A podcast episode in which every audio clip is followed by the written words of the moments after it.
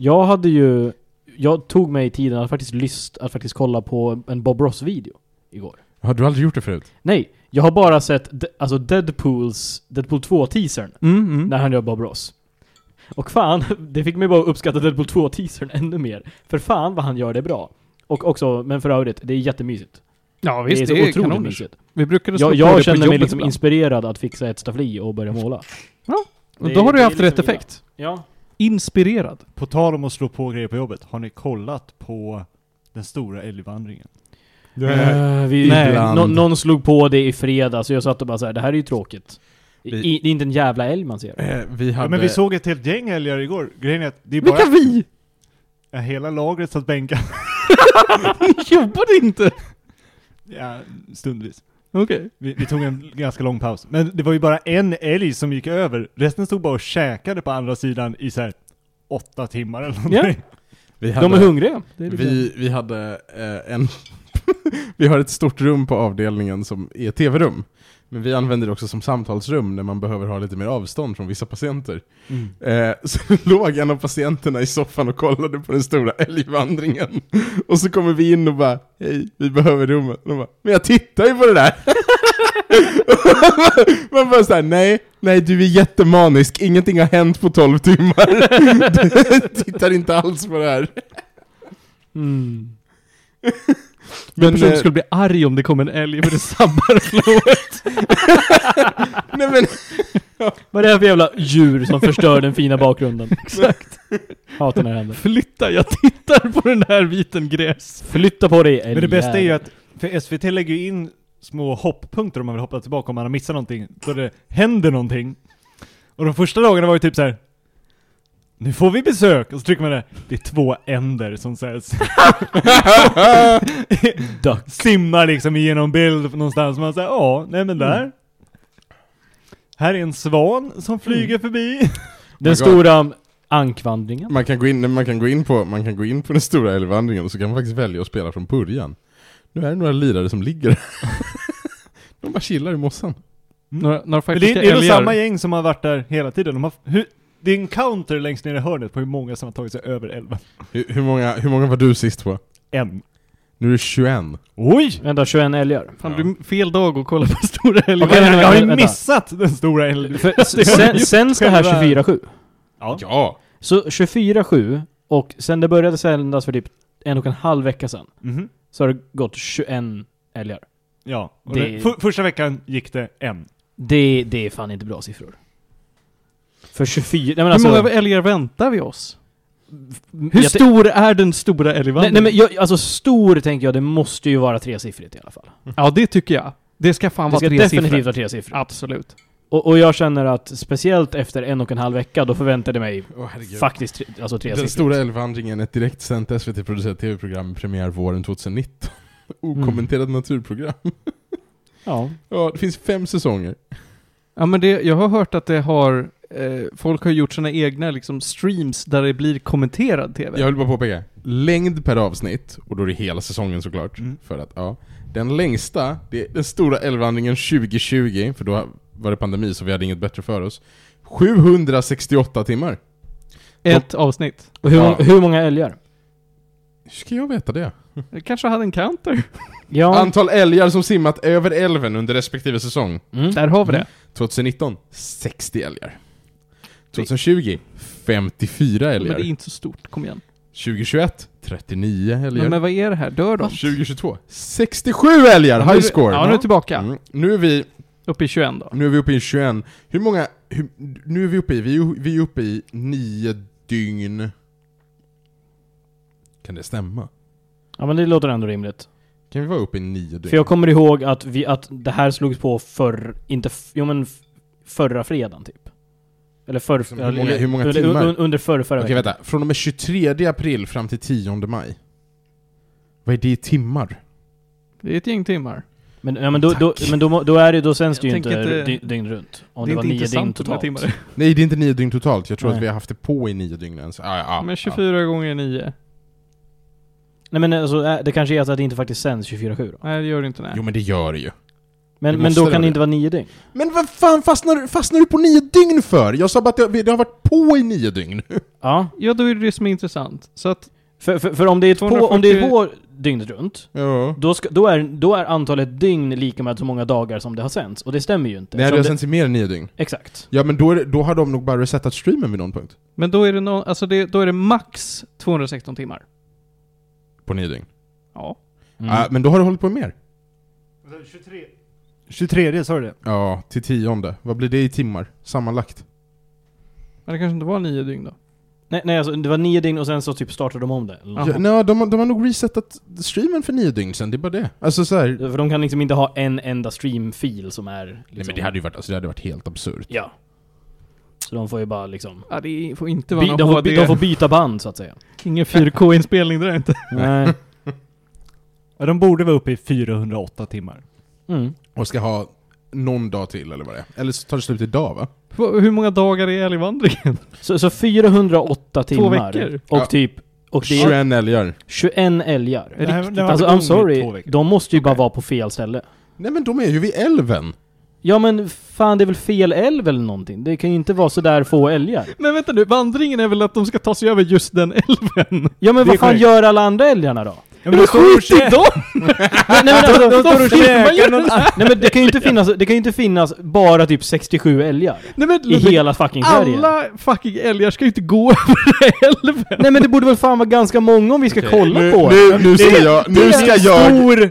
Du har helt rätt i det. Der große älgvandring. nu ska är- jag googla Sveriges älgbestånd. Det här är ett fantastiskt dåligt program om vi filmar en älv och hoppas att det ska gå älgar. Okej, Ja, sommartid, sommartid hej finns hej. det, sommartid finns det mellan 240 och 360 000 älgar i Sverige. Exakt! Och då är 60 älgar ingenting! Nej, och så jag- ska de gå över en jävla älv!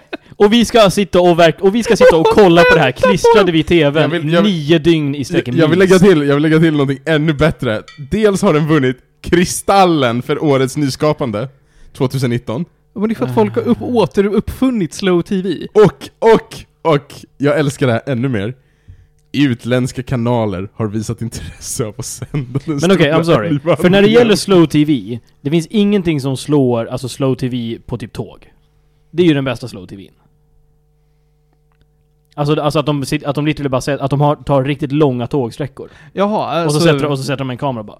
Det är ju den bästa formen av slow TV, för det händer saker. Ja, Det är fan mer intressant än att titta på 60 älgar För då får man, då, för, för då får man se liksom varierande landskap. Ja. Det är antingen det eller liksom... för här har man ju bara hittat så här. det är hyfsat många älgar som går över just här. Så vi bränner upp, vad fan är är det 20 kameror? Mm. Och en drönare som då och då åker förbi ibland. Mm.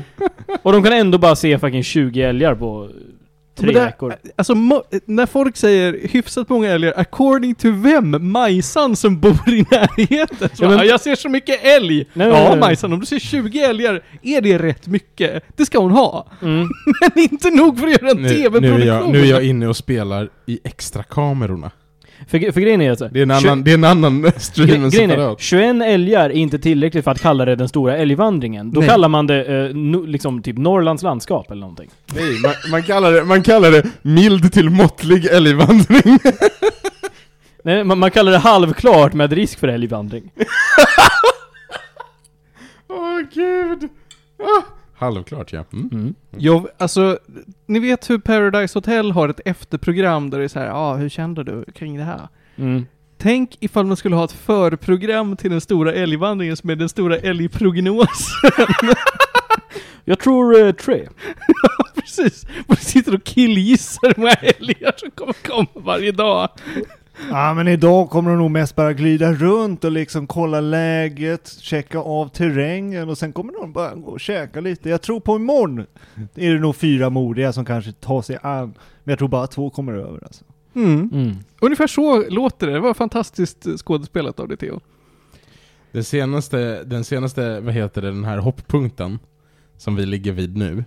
Kom Den den var- älg? Sorry, sorry Den vad, är, heter- vad är hopppunkten? Ja men det är när de markar i streamen var det faktiskt synts älgar. Den heter Chilla.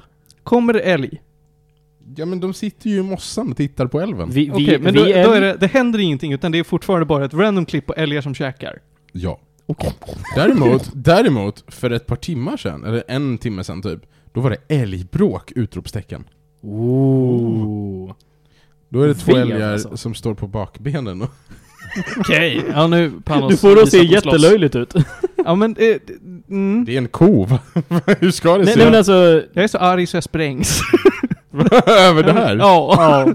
Den första benchmarken i den här streamsessionen heter älgrumpor. Då är det en liten drös som har ställt sig framför kameran med rumpan mot. Oj. Det var ju också skriverier i tidningar om det här för att folk hade blivit upprörda. Då någon från förra säsongen, eller från tidigare säsonger, hade klippt upp lite av en så här highlights reel för att säga Ja men köra lite reklam och peppa folk inför nya. Varav ett av klippen var en älg som går på isen och åker igenom. Nej. Jag tror att han klarar, alltså han, Ja. så här, två ton älg.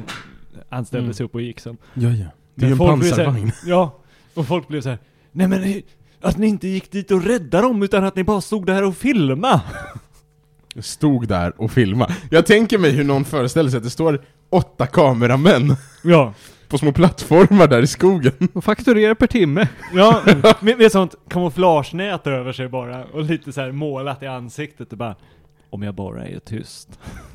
Nu har jag gjort lite amatörmässig statistik här och konstaterat att i nuvarande takt så kommer det eh, ungefär 0,05 älg per timme. I den stora, stora älgvandringen. 0,05! Det är som ett p-värde. Mm. Jag tänker att det är också som ett, med tanke på hur stora älgar är, så är det som en liten treåring. Jag, jag skulle inte, alltså mindre, jag skulle säga en liten näbbmus. Det är en, det är en älgköttbulle i timmen. Det är nog Oh. 5% älg. Nej, det, ja alltså, mm, ja. Mm. Även om det var antal eller om det var procent nu. Det Ja, Det är alltså antal älg per timme. Ja, okej. Ja, det är väldigt Så så 5% älg per timme. Om du vill säga det så. Ja, det vill jag. Ja, men det är ett öra. Ja. Ja. Schysst Älg- älgöra per timme. Älgöra. Ja. Nu har, nu har Kersti Lilja kommenterat. Tyckte älgen i entrén såg ut som en tillbakalutad kamel. Men det var visst två älgar. Smiley. Tillbakalutad Just det, kamel. det här har vi missat. Det finns ju en livechatt. Att Åh. det inte är någon som gör en Shia LaBeouf och åker dit och säger 'fuck Shia LaBeouf' och tar älgen och rider iväg eller någonting.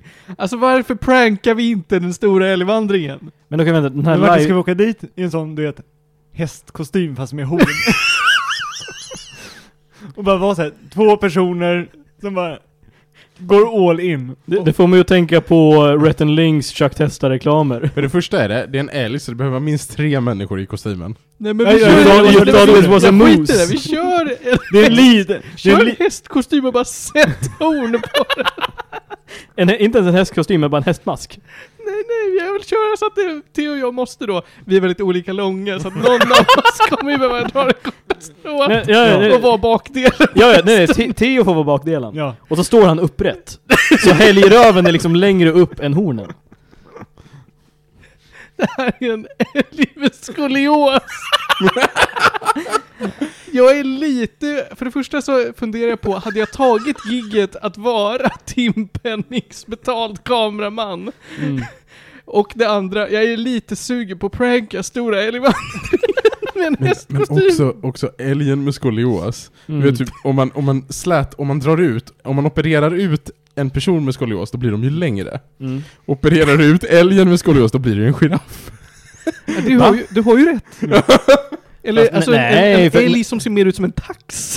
Ja, precis. Det, det, det blir ju en taxälg, inte giraff. Därför att det är ju det är bakdelen som vi Det beror opererar på var fördelningen hamnar. Ja, va- vart har en skolios? Nej men det, det, är det är väl uppenbarligen skolios i, i liksom någonstans i ryggen. Jo, men vet du vad? Ryggen går faktiskt hela vägen upp i nacken. det ska du veta. Då, nej, då övergår den i nacke ju.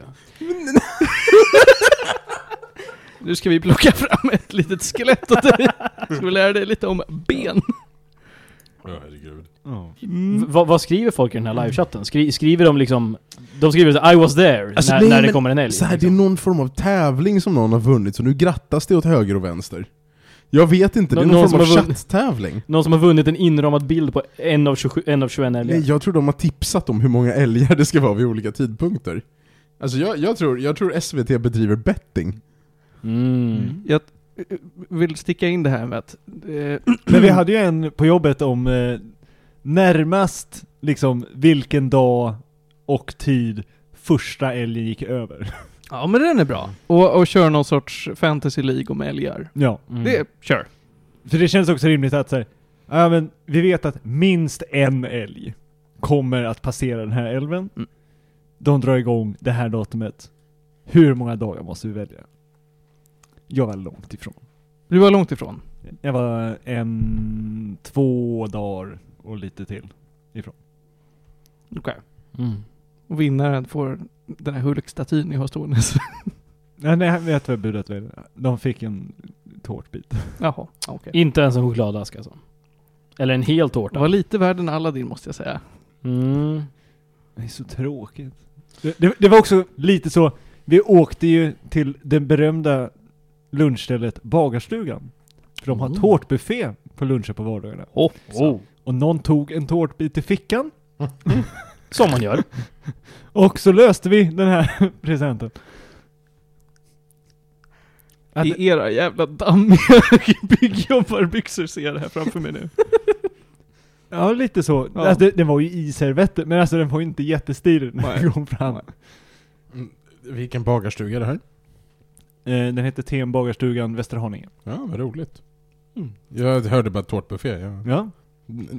Men nu vill du, du vill Ja. åka på roadtrip. Ja, jag har lagt det på lager nu. Det är Ja. gott med tårta. ja. Eh, bara vardagar dock, ska jag förvarnas. Ja, Tyvärr inte på helgen. Apropå buffé, Pizza Hut har ju börjat med kvällsbuffé. Har du, Nej! jag har aldrig ätit på Pizza Hut i Sverige. Jag har planerat att börja Nej, men för att för- de har för kvällsbuffé. Nej, nej för, för, för deras lunchbuffé är ju br- riktigt bra value. Det är ju... Du får ju... det beror Allting lite för... på all- vad du ska göra på eftermiddagen, för man är ju förstörd. man, man är definitivt förstörd, men, men det är ju... En buffé är ju alltså billigare än typ den billigaste pizzan. Ja. Och du får all pizza och du kan lägga till typ 10 spänn. Du har redan oändligt dricka i det här. Jag tror det kostar... Nu, nu har det gått upp lite för att, ja men inflation och så vidare, så det kostar väl liksom 129 nu. Men tidigare kostade det alltså, det var 100 spänn. Inklusive ing, eh, unlimited dricka. La du till 10 spänn så, var du, hade du glassbuffé på det. Och så har du ju hela salladsbaren också. Det är så jävla mycket pizza man kan få. Om man, gör, och så om man ska köpa typ en vanlig liten pizza om man kommer dit på kvällen så kostar det typ 140. Nu får någon, nu får någon, om någon lyssnar och bryr sig, och får de rätta mig om jag har fel. Men tydligen är det så att universitetet i Luleå har GPS-trackat en massa av de här älgarna. Har de, har de GPS-trakasserat? Ja, exakt. De har GPS-märkt en massa av de här älgarna som brukar hänga i området. Mhm. Kan man gå in i en karta och följa deras rörelser. Theo som representant av Luleås tekniska universitet. har du en kommentar? Att det här... Skandal. Ja, nej jag, jag vet det måste varit i ett annat hus. Nej men, och, och det som är så kul är att nu går jag in på den här kartan och det så, var i och för koll, sig efter min tid också. men och så det- kollar jag på området där det här näset befinner sig och inte en enda av älgfan har befunnit sig där, där om den här tiden. De har väl vevat loss eh, alla GPS-trackersna, tänker jag. Gni, gnider sig mot, trä, mot träd och så vidare. Nu är det en som rör på sig ordentligt. Oh. Oj. Panos, nu slutar du titta på Stora älgvandringen. Den är så liten! Nej men nu, nu, prat, nu kommer introt.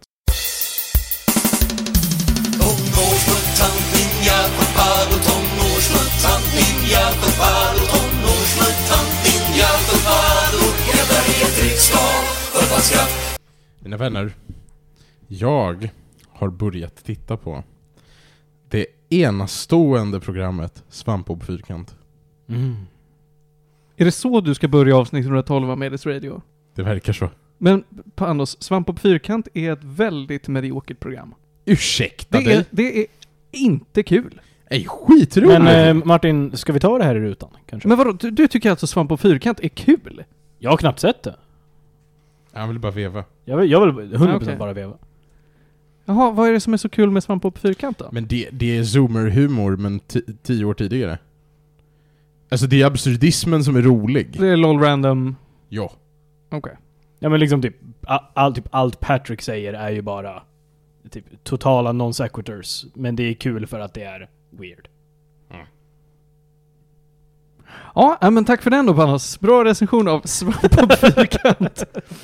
Vi är, eh, ja, nej men den började väl 96 tror jag, så att det är en bra spaning i, i tiden. Eh, Välkomna ska ni vara. Medis Radio avsnitt 112. Eh, förra veckan var vi ju tre caballeros, nu är vi fyra. Jag välkomnar förra veckans panel och Theo Tapper. Ja men hej och hjärtligt välkommen. Jag har en bubbla i halsen. Ja, verkligen. Det var helt fel till. Du får komma tillbaka. Jag heter Martin, tjena allihopa. Panos är här. Ja, Ja visst, och Ludde är här. Ja, jag är tillbaka. Ja men kul. Theo, ska vi se om du...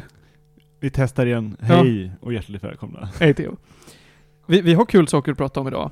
Eh, vi, ska pra- vi har en ganska lång lista, men det är många korta grejer, så att eh, det är det.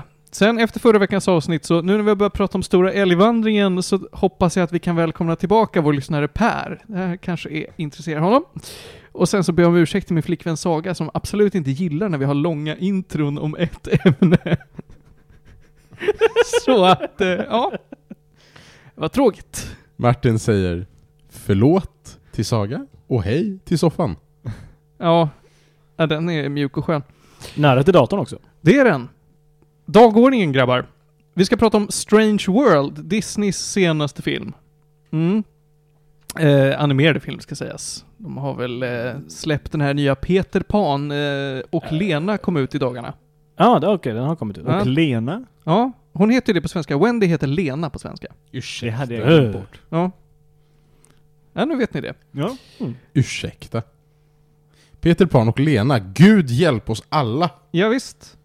Visst är det så. Vi ber till Gud och sen så ska vi be till Gud lite mer för att jag ska prata om Sonic Unleashed. Sonic med varulvstema. Och se hur bra det kan vara. Eh, sen ska jag trycka in en liten överraskning, det, det kommer vi till. Eh, och någon... Ja, nej men det får vi se.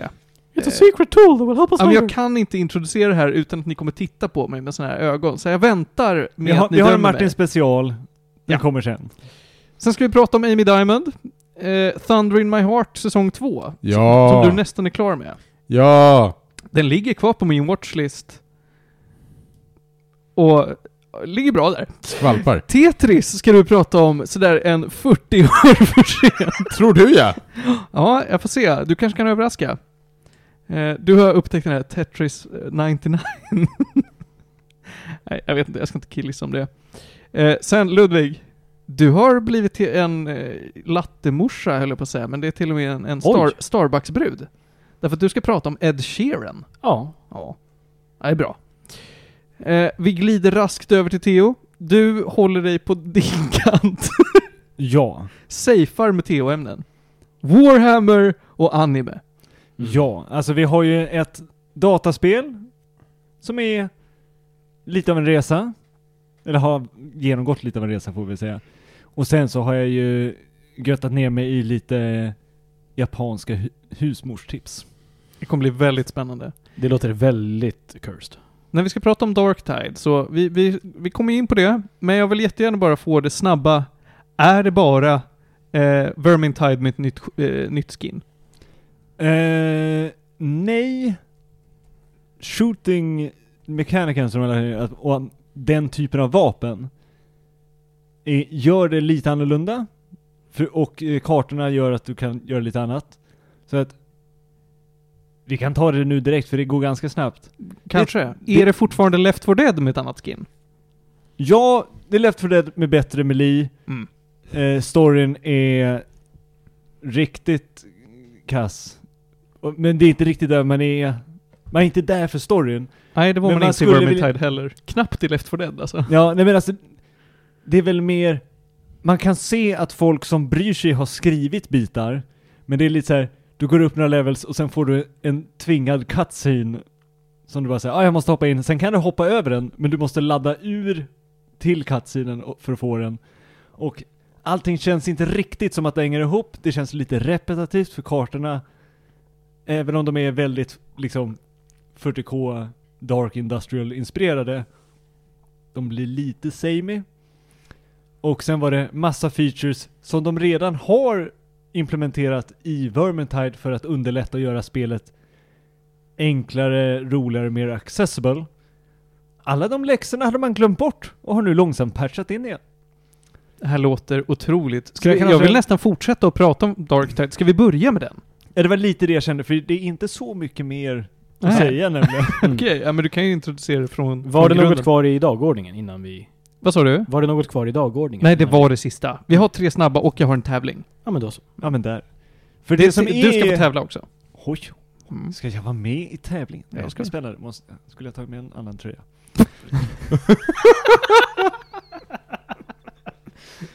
ja. Hur som. Man har fyra klasser att välja på.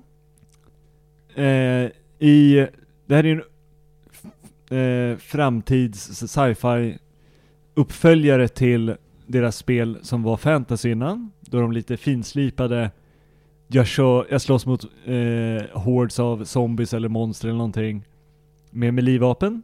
Funkar väldigt bra. Och alltså det viktigaste är väl att det känns farligt och det känns som när man gör skada så det är impactful eller vad man ska säga. Alltså svensk eh, utvecklad First Person Shooter, Horde Mode. Ja, av studion Fat Shark. Och det som känns konstigt är att massa läxor, just att man har glömt massa läxor, saker som man, problem man redan hade löst, som man säger, oj det glömde vi bort. Eh, men vi har lagt rätt mycket krut på den här eh, premium currency-grejen där ni kan köpa skins. Mm.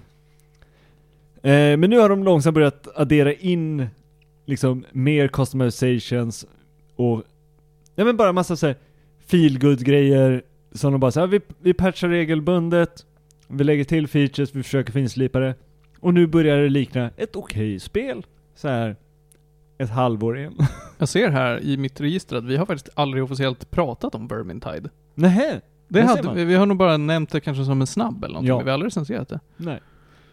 Eh, jag skulle säga, ska man hoppa in i ett av de här spelen nu och är lite sugen? Hoppa in i Vermintide nu, för det är Ja, det är nog Vermintide på 2 re- till och med. Ja, Vermintide 2 menar jag. För där har du delvis kartorna från Vermintide 1 uppdaterade, men också du får så mycket mer för pengarna. För just nu känns det här väldigt tamt. Vill man verkligen ha den här 40k, dark sci-fi, liksom grim gothic känslan? Vänta till hösten, alltså då tror jag att det kommer vara lite bättre mode liksom. Det känns som ett höstspel. Och jag tror att spelet kommer ha mer content och vara finslipat vid det laget. Hur mycket content tittar vi på just nu? Hur många timmar har vi och hur många banor har vi till exempel? Du, det är lite oklart. Jaså? För att man väljer inte banorna, utan det är bara en stor rad Du väljer inte banor. Eller jo, alltså du väljer dem så, men alltså i Vermintide så har du liksom tydliga så här, det här är kartan 1, 2, 3, 4, 5 av sektion 1. Här får du en radar av planeten med massa olika missions och så står de i vilka områden de är. Och grejen är att varje område är ju samma karta och de har lite varierande mis- missions, tror jag. Jag är inte säker. Så Och du gör olika saker på samma karta? Jag är inte säker. Nej. Nu när jag tänker efter kanske jag bara har gjort samma saker på samma karta. Mm. Det är bara andra modifiers som säger Och nu funkar inte lamporna! Nu är det extra mycket eh, hundar. nu är det extra många skjutvapen, snipers, vad som helst. Alltså det är... Det kommer lite olika grejer som blir nya problem för en. Men jag kan också att spela, jag spelar någon sorts präst.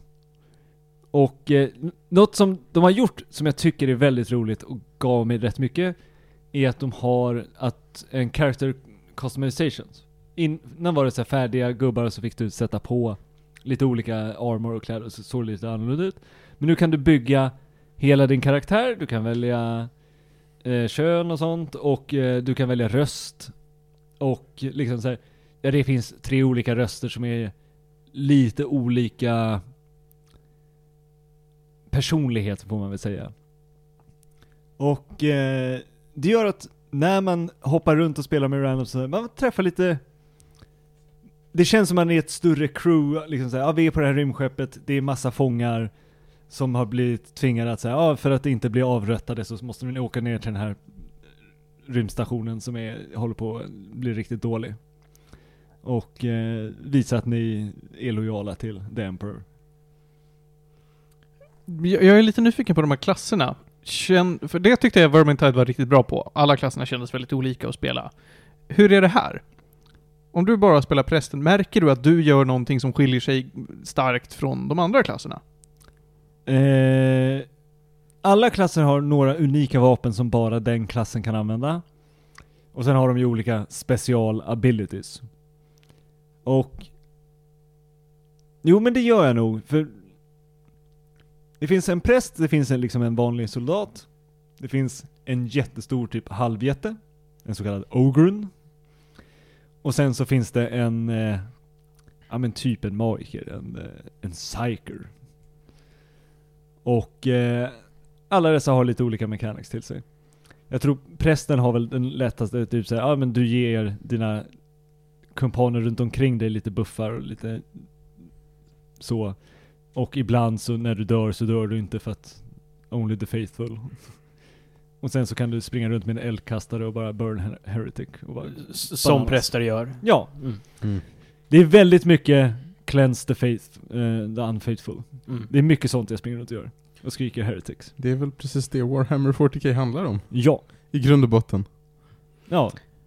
Men vi kan summera det som att det fortfarande inte håller hela vägen för att det ska spelas just nu. Nej, alltså, har de ett till rea? För jag, de hade liksom 20% av eller någonting och då plockade jag upp det. Och var... Tyckte det var... Var väl inte supernöjd, men jag var inte besviken. Så att, dyker upp på rea, hoppa in. Men annars eh, skulle jag avvakta lite. Man, man behöver inte ha bråttom till det här spelet, det kommer bara bli bättre.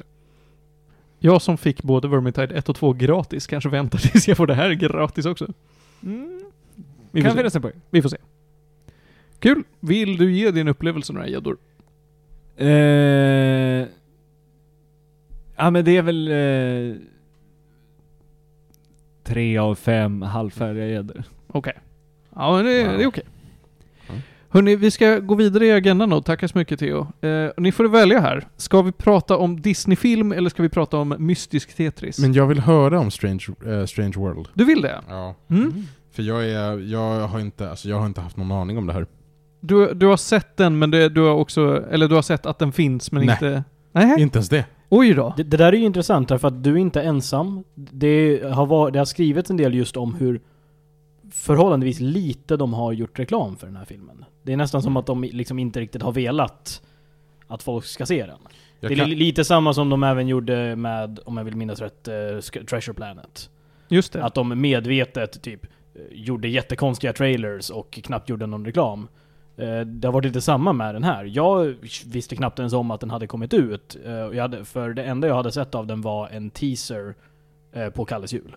Okej. ja, Och det var det enda jag hade känt till. Och sen så fick jag reda på kanske tre månader efter den hade släppts att just det, det här var ju en film av Disney. Vet du att jag tror att jag också såg eh, teasern på Kalles, eh, Kalle Ankas jul? Mm. Men nu får ni här, lugna ner er. För den här är från 2022. Ja men det är ett, Mm. ett år bakåt. Okej, Ja. så ni såg en Kalles jul inte nu i julas utan Nej, året nej, nej, innan? ja, exakt, okej. ja. Jag är med. Jag är med. Ja, nej, jag, jag är beredd att hålla med, men jag har ändå tittat på de informationskanaler där det skulle annonseras. Det vill Mm. säga busskurer.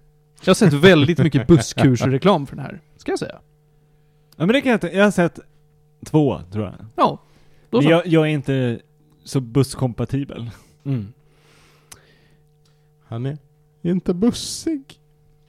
Jo, Aha. det är han. Är väldigt Aha. bussig. Vad roligt. Ska vi prata lite om vad Strange World är för en film? Eh, när filmen är en eh, direkt till, jag vet inte om det någonsin fick en, en bio, biovisning. För den här var, kändes som att den var straight to, straight to Disney+. Plus. Jo men den fick en biovisning och det är en av deras sämst... Fick det det i Sverige till och med? Ja, det är, en av, Okej. det är en av deras sämst presterande filmer eh, under typ hela 10-talet. Det var illa. Ja men då kan vi, vi börja med, med storyn här då. Eh, vi befinner oss i en krater. Ett rike i en krater som är omgiven av berg. I den här, eh, i, i, innanför de här bergen så ligger det en stor dal. Den här dalen heter Avalonia.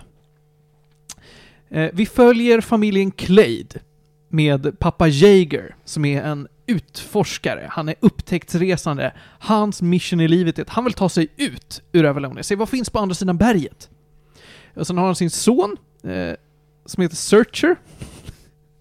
Eh, som inte alls är intresserad av det. Han går inte i sin pappas fotspår, utan han vill bli bonde.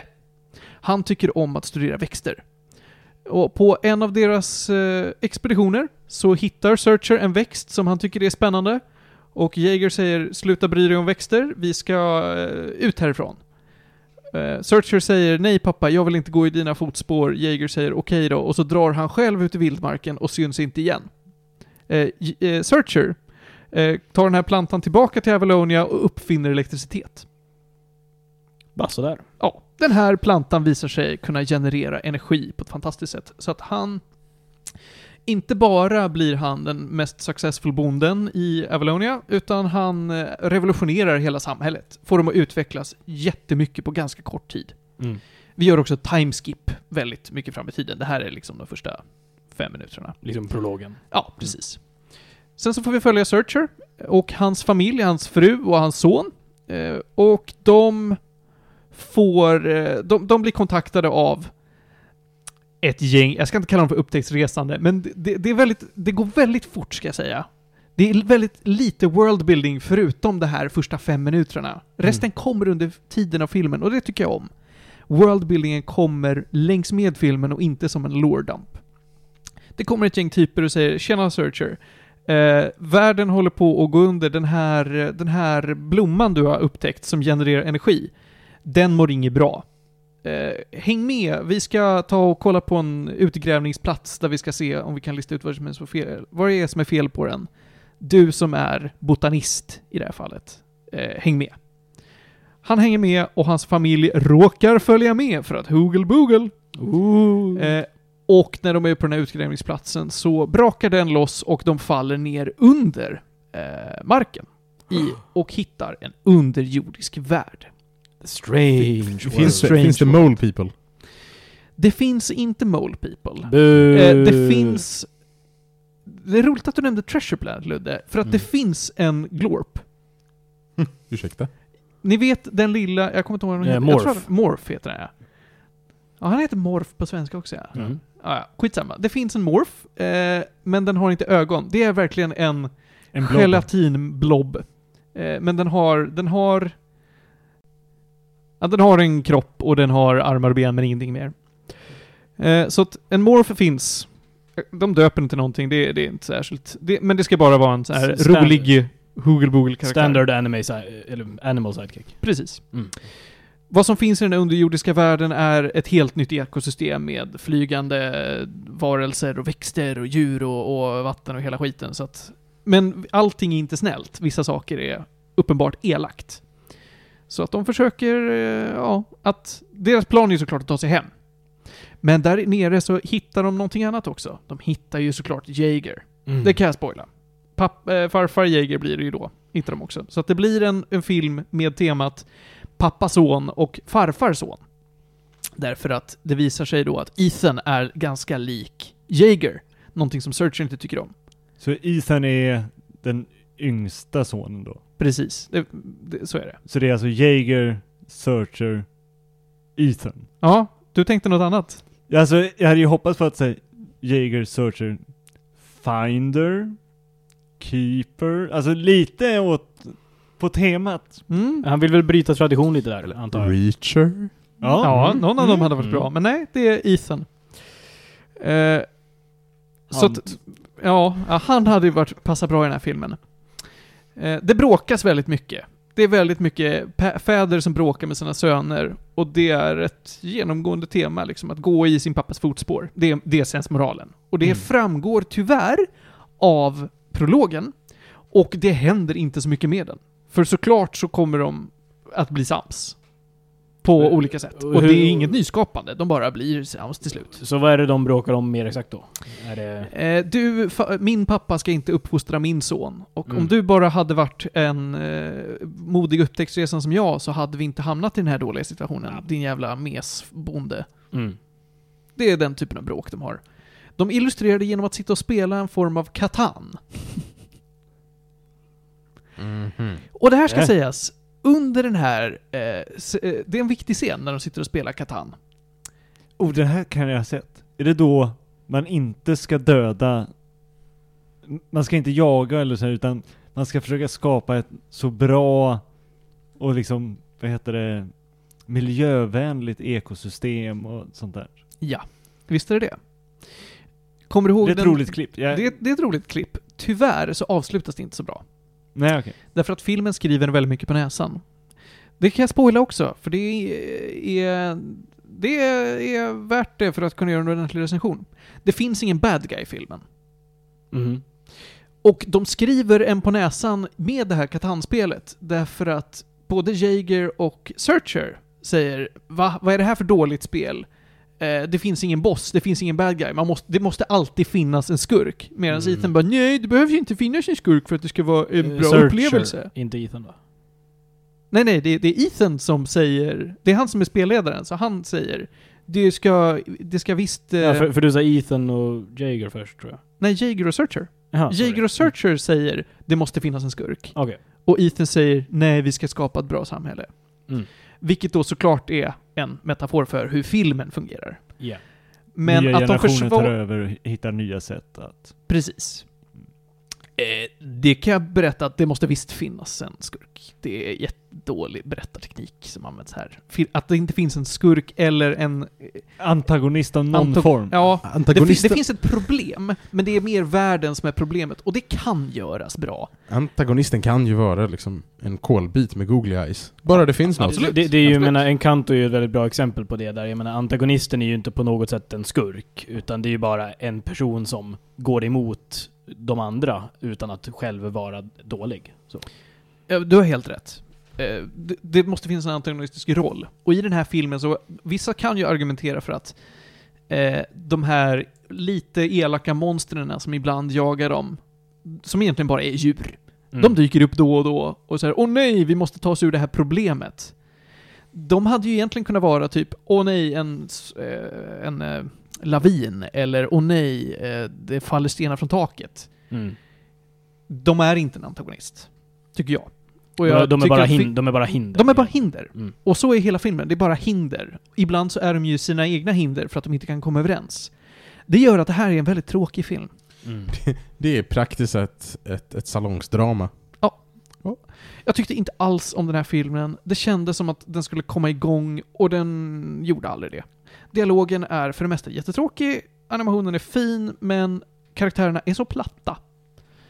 Eh, deras karaktärsdrag, de utvecklas aldrig. Ethan kommer alltid vara en liten, liten kille som är eh, nyfiken på, på vem är jag? Är jag min pappa eller är jag min farfar eller är jag min egen person? Och hans mål är egentligen att han vill komma hem till sin pojkvän. Det är hans stora mål. Så här, Åh, jag vill komma hem så jag kan hänga med Diego... Nej, vad heter han? Typ Diego. Han är Dieso eller något. För det här är väl, är det deras Daiso. första film med en öppet... Ja, ja, såklart. ja, ja, just det. Just För- det. för det här det var- är det var väl- Disneys första gay-karaktär. Ja, för, för, det var, Igen! Igen. för, för det var en av de få sakerna som jag typ faktiskt hörde om filmen, eller liksom reklammässigt var att ja, det här är Ja, men det första- säger de ju alltid. det är det. De har sagt det i Frozen, de har sagt det i Big Hero 6 säkert, de har sagt det i Encanto säkert. Fast vä- vänta, vem är det i. Frozen? Eh, det är han, Juhu Big Summer Blowout. Han försäljaren. Han har en man. Äh, Det är Blinken You'll Miss It. Det jaha. är... Det är, eh, Är det ettan eller tvåan? ettan. Ja men det är han. Juhu Big Summer Blowout, köp dina Jo, eh, renkläder här. ja, jag- och jag i något karaktären. klipp så får man se honom och hans familj. Och då får man se att han har en man. Jaha. Hoppsan. Det är inte viktigt i alla fall. Det är, det är Du har inte- missat det. Så det, det, det, det är inte en central del av storyn, utan det är bara att den här personen råkar vara... Ja. Ja. Nej, det är, ja de, jag tror att de, i början så verkar det som att de ska göra någonting med den här karaktären Mm. Daiso, men det gör de aldrig. Men det, det är ingen av karaktärerna som har någon personlig utveckling. För det skulle också kunna Det är skapa... bara att de kommer sams. Ja, nej men för att... Det- Det skulle ju också kunna ge... En an, inte en antagonist, men så här, de kommer inte överens, de kommer inte överens och sen så... Att man får se att så här, oj, den här personen utvecklades och ändrade på sig och liksom Ja, men jag, jag tänker lite som for, Soul. formades lite. Jag, jag tänker som Soul till exempel, att liksom en huvudsakliga antagonisten där är ju inte en antagonist egentligen, det är ju hans relation, det är ju huvudpersonens relation med sin mamma. Där Och- snackar vi bra film som knappt har en antagonist. För, för, så, så det går ju att göras bra, som Timo Ja, säger. ja, verkligen. Ja, jättebra exempel på annan Disney-film som gör det här bättre. Den här skriver den så mycket på näsan och det gör så dåligt. Jag, jag tror det, Jo, men det den här verkar inte väldigt- vilja att du ska miss... Alltså, den, Mm. den tror att publiken är dummare än vad det är, så du får Mm. inte tänka eller ha en åsikt själv, utan den kommer förklara så här tycker vi att du känner just nu. Det där brukar också vara just Disney-filmerna. Pixar får ju mer creative freedom att skriva lite mer sublima meddelanden i sina filmer. Disney måste vara lite mer rakt på sak. Mm. Det är därför jag ville gå med i Illuminati sist jag kollade på en Pixar-film. Som svar på din fråga Theo, eh, om det någonsin känns som att de utvecklas på ett naturligt sätt och, if, och ifall det känns som att de ändras, formas. Mm. Det görs ju när de kommer samman, men det går väldigt, väldigt fort. Det är åh shit, jag hade fel.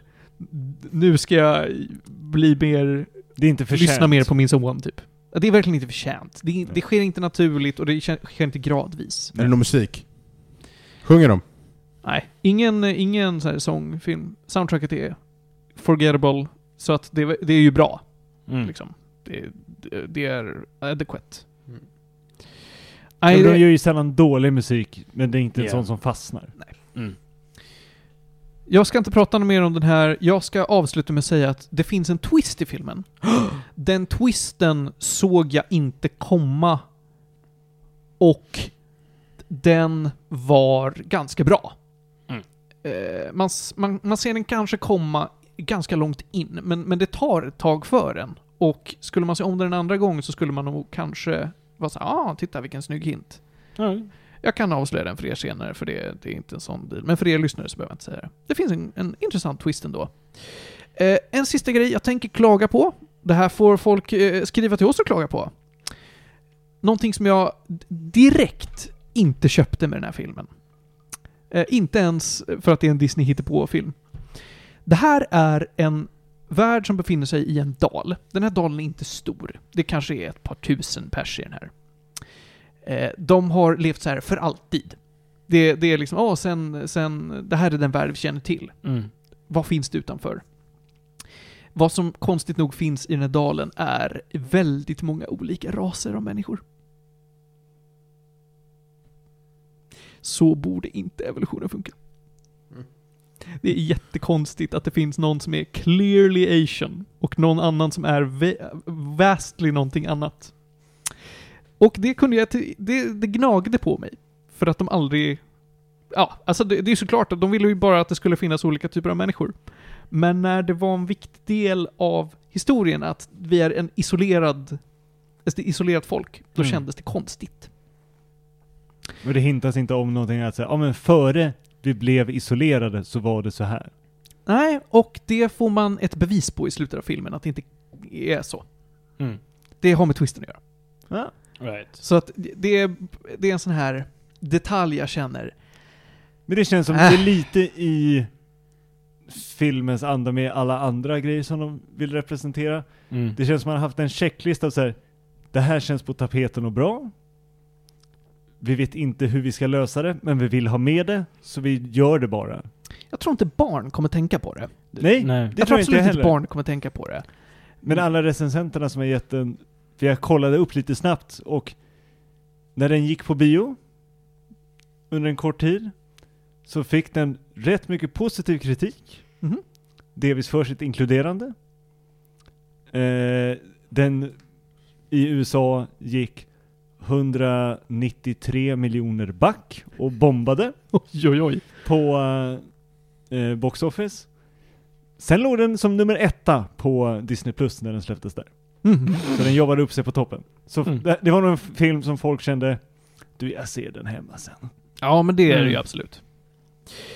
Ja, eh, jag är klar. Vi ska inte prata mer om den här. Några Jag ger... Vad sa du? Några gäddor kanske? Ja, den får en fem.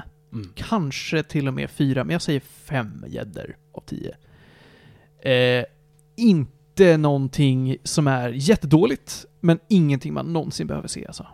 Det här är typ easiest skip jag någonsin eh, har sagt till någon att det här kan du skippa utan att känna någon form av skruppel. Man, man behöver bara se den om man är en Disney completionist. Lätt alltså. Så att du inte missar alla crossoversen. Ja, ja. Jag tycker, Disney Cinematic Universe. jag tycker fan att både Frozen 1 och 2 var bättre än den här.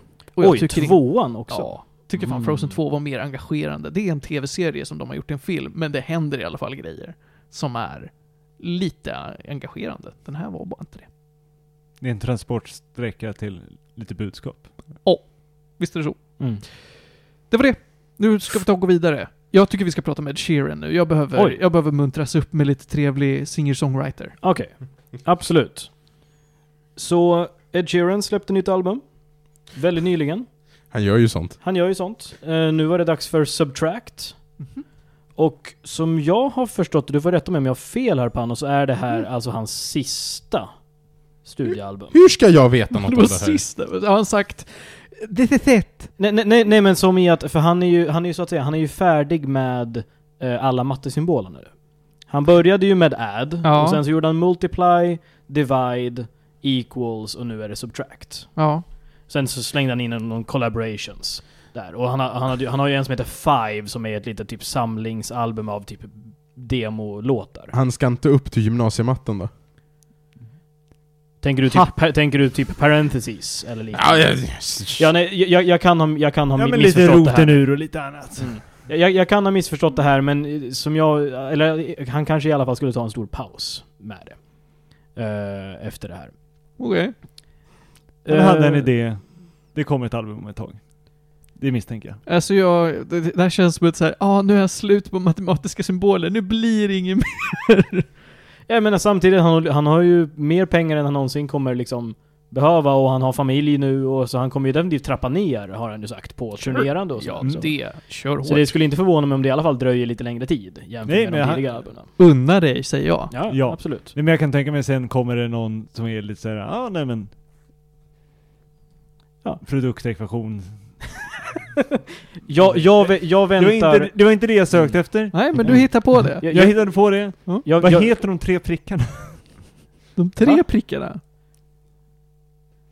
Ja, skitsamma. Vi jag, jag, kan ju säga, jag, jag, jag väntar ju spänt på när Ed Sheeran... Kryssprodukt. Nej men när Ed Sheeran eh, 2040 släpper trippelintegralen. Ja, den Eh, är bra. Den, den, den är jag taggad på. Rotationsvolym. När han har gått upp Mm. lite. Ja. Då, då, då, det är bara en utbildnings, eh, ett utbildningsalbum för hans eh, barn då, Ja, som går på gulligt. universitetet. I alla fall. Det här tror jag är någonting, alltså någon matte som inte jag har gjort. När, om du visualiserar det här med att göra tre prickar genom form av triangel. ja. Men alltså det var, vilket skulle visas, var så jag kommer ihåg det. Jaha, Va? VSV? Ja. Ja men det, det är ju ingen formel, det är ju någonting du skriver i slutet av ett bevis. Ja men det finns en symbol för det. Jaha. Ja men det, det är bara en fyrkant. Nej, jag hade tre prickar nämligen. Det var så jag kommer ihåg det. Ja, vi, vi, Därför vi, det Då finns det prickar i matte också. Ja, det finns Ja, fan. Skit, Ska lära skit produkter. samma. Skitsamma. Ehm, När han, när han är 50 så kommer han släppa... Ska lära Tre. Ja. ja, det blir jättebra. Hur var upplevelsen? Ti- till att börja med, jag har ju ändå varit ganska stort Ed Sheeran-fan. Eh, jag gillade speciellt hans första två album. Eh, både Ad och Multiply hade en del väldigt liksom, spännande låtar. Han, han är ju, hans genre har ju alltid varit den här, ja men akustisk gitarr eh, som driver hela musiken och så sjunger han lite ballader på det här. Och han har bryggat ut i, i lite annat. Han provade lite annorlunda saker med Shape of You. Mm. Eh, han har haft lite hiphop-influenser i Don't och Sing. Men, men hans standard har ju alltid varit den här balladfokuserade biten. Eh, Equals som var hans förra album, där var han ju väldigt äventyrlig, måste jag säga. Han provade massa nya sounds. Det var bara det att ingen av dem funkade riktigt. Jag är ledsen att Eh. säga, jag kan inte känna igen någon av låtarna från Equals-albumet. Nej, och det var ju, alltså Shivers blev ju stor. Okej. Det är bra. D- och den är aha. bra. Eh, och så är det en till, det, det fanns definitivt låtar som funkade där. Ehm, Shivers kan jag eh, avslöja, väldigt het på line dance-golven. Vad har du varit? Vart fan har du varit? Intressant. ja, okej. Ja, Ja. Jag lämnar Okej. nytt. ja nej men alltså, ni, line dance TikTok, där händer det grejer. Jaha, det är där du har varit. jag tänkte att du hade tagit en helg. Jag är i, i Örebro. Nej men vad fan, var inte du med när det var någon som föreslog att vi skulle åka på... Nej, det var inte du. Det jag har fått det föreslaget för mig att jag ska åka på en, en eh, dansfestival på typ i Kalmar eller något sånt där. Det är så här, ja, nu ska vi dansa line dance-festivalen. Jag kan ha varit i rummet, för jag, jag har ett svagt Nej, minne nej, av det här. jag på det var på jobbet. Ja, okej. Nej, du kanske har sagt det till mig Det i efterhand, så kan det ja. Ja. Eh, Hur är det nya då? Så det nya går på, det börjar med väldigt mycket back to basics egentligen. Så jag skulle säga de första... Det, dels så släppte, han släppte ju en, en teaser inför albumet. Han brukar ju släppa en eller två singlar eh, i förväg. Den här gången släppte han Eyes Closed. Eh, Eyes Closed påminde ganska mycket om Equals. Den lät nästan som att, ja den här, bo, här vill jag egentligen ha med på Equals, men jag fick inte plats med den, så den fick hamna på Subtract istället. För den bryts helt mot de andra första två och även efterföljande låt. Eh, Men de första, Boat, Salt, Water eh, och om vi då skippar Eyes Closed, Life Goes On. eh, Det är lugna gitarrballader. Mm. De är mysiga men inget utmärkande. Nej. Det jag ofta känt med Ed Sheerans ballader är att han har ju verkligen förmågan att skriva väldigt bra texter. Det finns ju som får en att verkligen börja böla. Small Bump, Visiting Hours. She played the fiddle for an Irish band. Nej, okej. Ja, nej, men- och, och även jag menar det som gjorde, den som gjorde honom känd, A-Team, har ju också en väldigt bra text. A-Team är bra. Eh, så, så, det, så jag... Ni säger så jävla mycket låtar nu, alltså, har jag missat hela Ed Sheeran? Det kanske du har. Jag kanske har det. Eh, Men, men så, så, så det finns ju definitivt en, en högsta nivå som jag hoppas att han ska nå upp till, men han gör inte riktigt det. Det är ju inget fel på låtarna, men det är inget jag kommer ihåg. Det, de flyter ihop lite egentligen. Eh, därefter så, det börjar bli lite mer lovande med Dusty. För Dusty kommer med ett lite mer spännande beat. eh, och livar upp stämningen lite. Eh, och det, då kände jag, okej det här kanske börjar likna någonting ändå. Ehm, men den får aldrig riktigt upp energin, tycker jag. Eh, End of Youth efteråt, ganska svängig, men även den, det börjar tappa lite. Och eh, det finns en del väldigt, det finns, det finns faktiskt flera låtar där, där som börjar bra. Och sen så, te, te, sen så tänker man lite halvvägs in, jaha, var det inget mer nu? Jag trodde det skulle hända någonting. Det finns en, del, det finns en låt som heter eh, Curtains som Eh, först så kommer ett intro, eller det man tror är ett intro i alla fall. För det här låter lite, okej, ja, lite, lite lugnare. För sen så kommer det alltså rock. Från ingenstans. Elgitarr och lite mer, li, lite mer fart på det. Eh, och, och det här, okej, det här var ju annorlunda. Men sen kommer refrängen och går tillbaka till det lugna.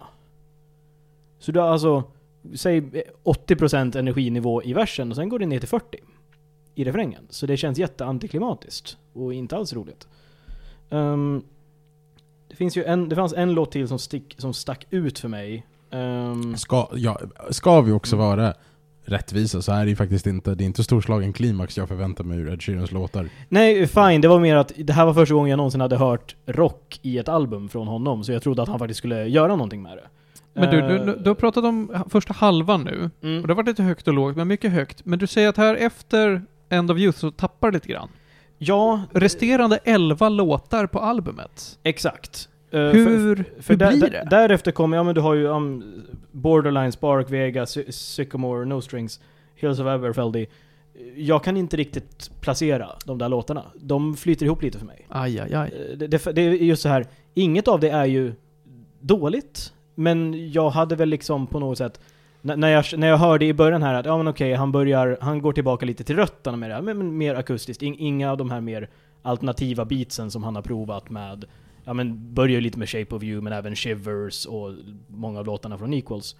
Då hade jag förväntat mig, ja men okej, kan jag få en Give Me Love nu? Eller kan jag kanske få, eh, ja men, Visiting Hours, den var förvisso från Equals, men uh, lite det här, då vill jag ha ordentligt bra texter. Det ska vara lite det här känslosamma. Han, han har ju många låtar till exempel om familjemedlemmar som går bort. Som är någonting som väldigt många kan identifiera med. Uh, men det når inte den nivån. Och jag känner bara att re resten av den där albumet satt jag mest bara och... Det, det, jag lät det gå, och det var inget som berörde mig i någon riktning egentligen.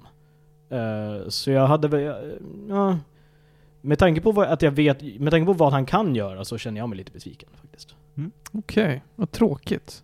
Det, var, det var att höra. tråkigt, för, för jag... Men det, du säger alltså att det hämtar sig aldrig efter Nej, Edge of Youth? för just Dusty och Edge of Youth där började liksom utlova lite mer och sen så, nej. Så kom det inget riktigt mer, utan då var det tillbaka till det gamla vanliga och Absolut, det är så här, det, är trev, det kan väl vara trevligt att ha på i bakgrunden sådär, det är ju lo- lo-fi för det mesta. Men, Utom när det blir rockigt. För, ja, men för, precis, förutom Curtain som från ingenstans har lo-fi refräng med rockvers. Vilket känns jättefel. Ehm, Det är ett ja, långt album ska sägas, den är en timme.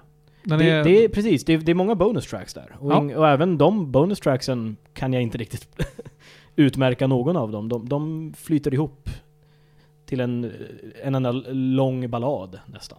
Ehm, Men plattan heter Subtract. ja.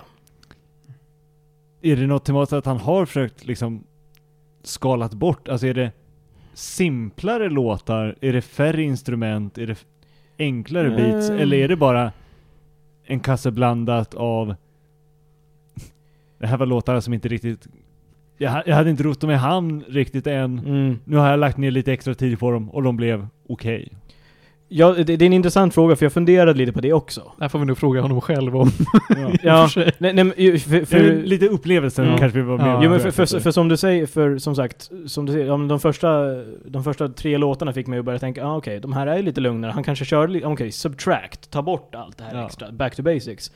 För, det, för de låter ju soundmässigt mer, ja men som Add eller Multiply där, när Mm. han fortfarande körde inte så mycket andra instrument förutom sin egen gitarr, och så gjorde han allting på den gitarren. Det finns Mm. lite strängar, eh, det finns lite elektroniska, liksom, percussions. Men för det mesta är det back to basics. Ehm, samtidigt, det är inte som att några av hans andra album riktigt har följt den Temat formen. nej. det det temat sant. heller. Eh, Equals kändes väl något, om något hade i så fall Equals funkat bättre med Add, därför att han Ja. lägger till massa nytt. Mm. Uh, medans kanske Multiply eller Divide skulle funka bättre som en Equals, för att det är Mm. en, det är en sammanstrålning av alla saker han har Ja. provat, typ. Ehm, så jag, jag vet inte om det, här, om det bara var att han ville lugna ner sig lite och vara lite mer down to earth eh, i sista albumet, och, och det är fine, men uh, känns som en liten, det känns lite antiklimatiskt att ta paus på ett så mm, tråkigt album. Också konstigt att man har equals före subtract. Det också. Det är definitivt en bra poäng. Hans första var väl Add? Det var add, sen multiply, sen divide och sen equals. Det känns som att jag har missat ett album här, men det har jag nog inte. Nej men det är, det, vad heter det, det är fem stycken mattealbum och ett collaborationsalbum. Mm. Det är sex album. Ja. då så. Vi, ska vi ge Eddie några gäddor? Ja. Gäddi. ehm, Jeddi! Några Eddie ska få gäddi. Röda Jeddi. Ehm, alltså det är väl typ...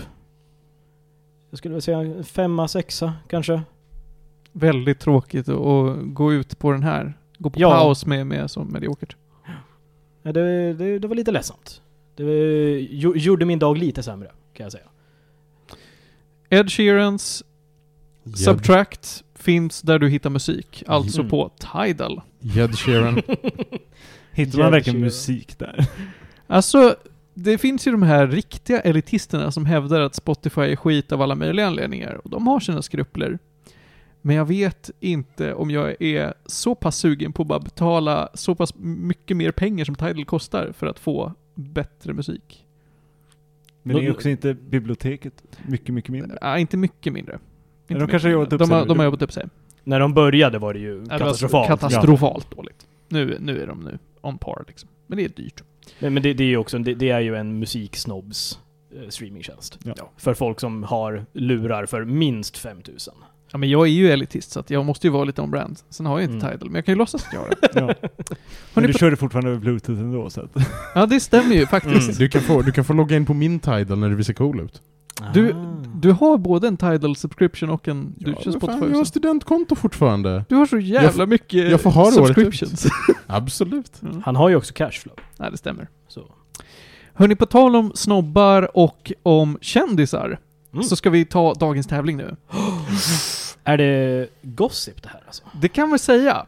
Eh, jag ska välja ett ämne som jag tror att Theo är ganska dålig på. Det är så vi gör de bästa tävlingarna. Vi gör de här som ni inte kommer klara bara sådär. Mm. Och så är det halvlätta frågor som lyssnarna där hemma kanske är lite bättre på. Det blir kändisspaning, Theo. Oj, ja, det är ju... Är, är det min sämsta sida? Men det är okej. Därför att den Jag har här... sagt hej till Mauro Scocco en gång utanför Hornstulls bibliotek. Och då kom du dig själv i byxorna. Kan jag få vara med på en backup här? Ja, det kan du få. Du kan få... För jag kan ungefär lika lite tror jag. jag Men kan ställa vara frågan till Theo. Theo får gissa och sen får du gissa och sen säger Mm. jag rätt eller fel. Ja. Den här tävlingen heter Tveksamma kändisar. Och så här är det hörni. Ni vet ju alla att jag älskar när eh, kända människor gör tveksamma saker. När Mm. de gör, antingen när de gör bort sig, eller när de gör någonting som är så här. Nej men hör du, det här ligger inte i tiden, nu har du sagt något omodernt. Just den, att de gör någonting förbjudet. Eh, de gör någonting tabubelagt, det går jag igång på. Mm. Eh, Salam. Ja men precis. När, eh, det, det, det är jättekul Mm. när Carola Häggkvist kliver in i Husby och säger "Tje- tjena hej salam. Eh, sånt är, det är absolut, gör ju Carola till en, en eh, person som man kanske borde säga, hör du, du eh, har förbättringspotential. Men det är ju fortfarande någonting Det är jag kan kul att du skratta försöker. Ja men precis, jag skrattar väldigt mycket åt det. Mm. Och det finns väldigt mycket klandervärdiga människor där ute. Och nu ska jag belysa att även människor som är, det här kommer vara en lista med både människor vi ser upp till och människor vi inte ser upp till, men väldigt många är klandervärdiga. Och det gör inte, det här säger jag inte för att vi på något sätt är bättre människor än vad de är, men det är roligt att belysa kända människor. Theo, här kommer tävlingen Tveksamma kändisar. Vem av dessa tre kändisar har gjort 2020, eller 2021, en cover på Bombay Taxi Taxi Taxi av Dr. Bombay? Är det A. Pontus Rasmusson? B. Anis Don Demina? Eller C. Joakim Lundell? Alltså... Så direkt såhär... Anis skulle kunna ha gjort det för att... Och lite kommit undan med det med glimten i ögat. Men jag tror att han är för cool för det. Utan jag tror ju... Att... Det är Mr Groomer himself. Pontus Rasmusson. För det... det ska inte säga att det passar honom. Men det skulle följa en rätt tydlig nedåtgående riktning i hans liv och karriär. Med uddaval. Jag håller helt med. Du håller helt med? För Joakim Lundell för tio år sedan hade jag kunnat tänka, ja men absolut. Inte Joakim Lundell nu. Och eh, Rasmusson känns ju, som du säger, det känns definitivt som någonting som inte skulle förvåna en. Nej men precis, för... Jag höll på att säga, Lundell känns ju också som att han är... Det är inga pengar i det. Alltså det är inte, det är Mm. inte värt någonting för honom. Nej. Utan det är... Det måste finnas en, liksom... En pengamotivering i det om han ska göra det överhuvudtaget. Det är också samma med Don Demina, det är inte som att han behöver göra det för att få alla jobb någonsin i svensk TV.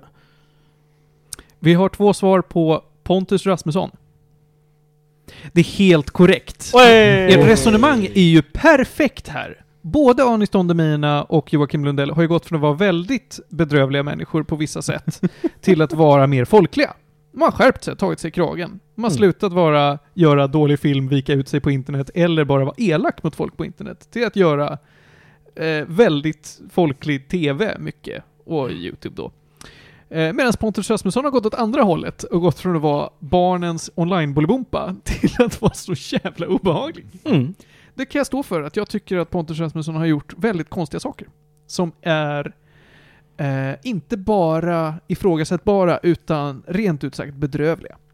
Eh, jag rekommenderar alla att lyssna på eh, Svenska Dagbladets dokumentär Blända om Pontus Rasmusson. Från 2022. Vi ska gå vidare till fråga två. Tillägg. Jag och Anis Don Demina klipper oss hos samma, hos samma frisör. Jaha, Det är skitroligt.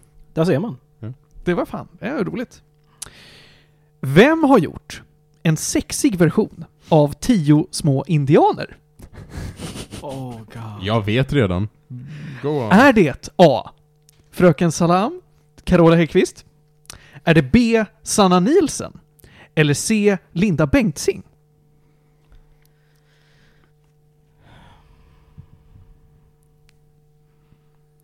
Alltså Linda Bengtzing måste det vara. Vilken jävla... Jag, jag tror...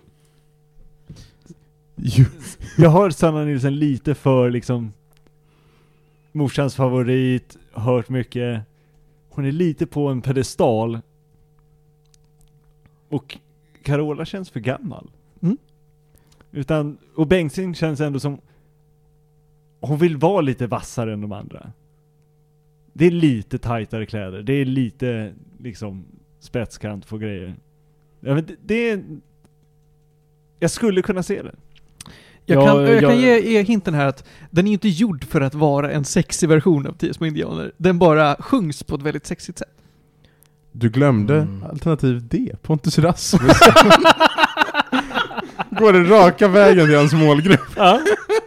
Det ska också sägas att den här covern av Taxi Taxi, eh, Bombay Taxi Taxi Taxi gjordes när han var mitt i blåsvädret. Ja, perfekt. Det var efter han hade blåst barn på pengar första Mm. gången. Ja. Då, då tyckte han det. Och i panik bara Ah fan vi klämmer ur en Inget att, inget att förlora. Han Inget att ju förlora tidigare alls. gjort en Sean Kingston-cover på Beautiful Girls. Eh, men det här tyckte Alltså, jag var nästa steg. Alltså, alltså grejen är så här, att göra en cover på Sean Kingstons Beautiful Girls, honestly fine. Nej, det tycker jag också. Jag Det tycker är, så här, det är definitivt någonting du kan göra oavsett vilken typ av person du är. Eh, Taxi Taxi Bombay är väl, eh, Mm. eller Calcutta eller vad det nu Ja, heter. Den heter Bombay Taxi Taxi Bombay Taxi. Taxi Taxi Taxi. Eller Calcutta, tack, tack, tack. Nej, det är, Jo, gör det. det är fan, ja det, det är Ja. det. Förlåt, det är Calcutta Taxi Taxi Taxi. Mm. Mm. Det gör att jag har skrivit Dr. Bombay. Ja, jo. Ja. Eh, Förlåt. jag, jag kan säga, jag håller helt med där också. Eh, med tillägget typ att Sanna Nilsen är lite samma sak där. Hon är typ lite för folkkär och, i, i, och jag säger inte det här på ett dåligt sätt, Nu jag- osexig. Ja, nu ska jag säga, det här har, har jag inte sagt när den här gjordes. Mm. Men jag skulle även när hon, alltså jag, jag tänker hon blev ju känd, det var väl Melodifestivalen lite där, hon gjorde någon, som hon började. Eh, och, men även då, det var ju aldrig någon sexualisering och hon var ju, hon är mycket mer stort sjungande än sexigt sjungande. Medan Linda Bengtzing känns mycket mer som en person som skulle sjunga lite sexigt. Kanske, kanske omedvetet, men sjunga lite mer sexigt i en, i en låt. I allmänhet. Hockeykommentator Ludvig har sagt sitt. Ja. ja, men vi har två till gissningar på Linda Bengtzing C. Panos, vill du berätta rätt svar? Det är Linda, Linda Bengtzing. Det är helt rätt igen. Och Är Pontus det, Rasmusson. ni har helt rätt. Er resonemang är perfekt. Sanna Linda Bengtzing ska jag säga, jag har inte hittat någonting ont om henne. Vem hittat sa du? någonting. Hon är, Sanna Nilsson, jag har aldrig hittat någonting ont om henne. Det känns typ rimligt. Hon, hon känns som en sån där som bara typ tycker om att sjunga och gillar människor och bara ja det var ju perfekt för dig. Eh, Panos, kan vi få fem sekunder av Linda Bengtzings, inte nu, när du klipper in det. Kan vi klippa in fem sekunder av Tio små indianer med Linda Bengtzing? Absolut. En och två och tre indianer Fyra, fem och sex indianer Sju och åtta och nio indianer Tio Yes, då så. Det här är bra. Two for two, Theo. Ja. Eh, och Ludvig för den delen. Men det känns som jag kommer långt på resonemangsbiten. Jag måste lite jobba igenom frågan för att komma till svaret. Ja. Men då kommer vi till en fråga. Nu, nu går vi utanför här. Vad har Sean Connery parafraserat sagt? Är det man borde få slå kvinnor? Är det judar är inte mycket att ha? Eller är det jag håller aldrig upp dörren för en svart person? Alltså, han har ju sagt, men översättning skulle jag nog översätta som så här. Ibland förtjänar hon att få sig en liten smäll.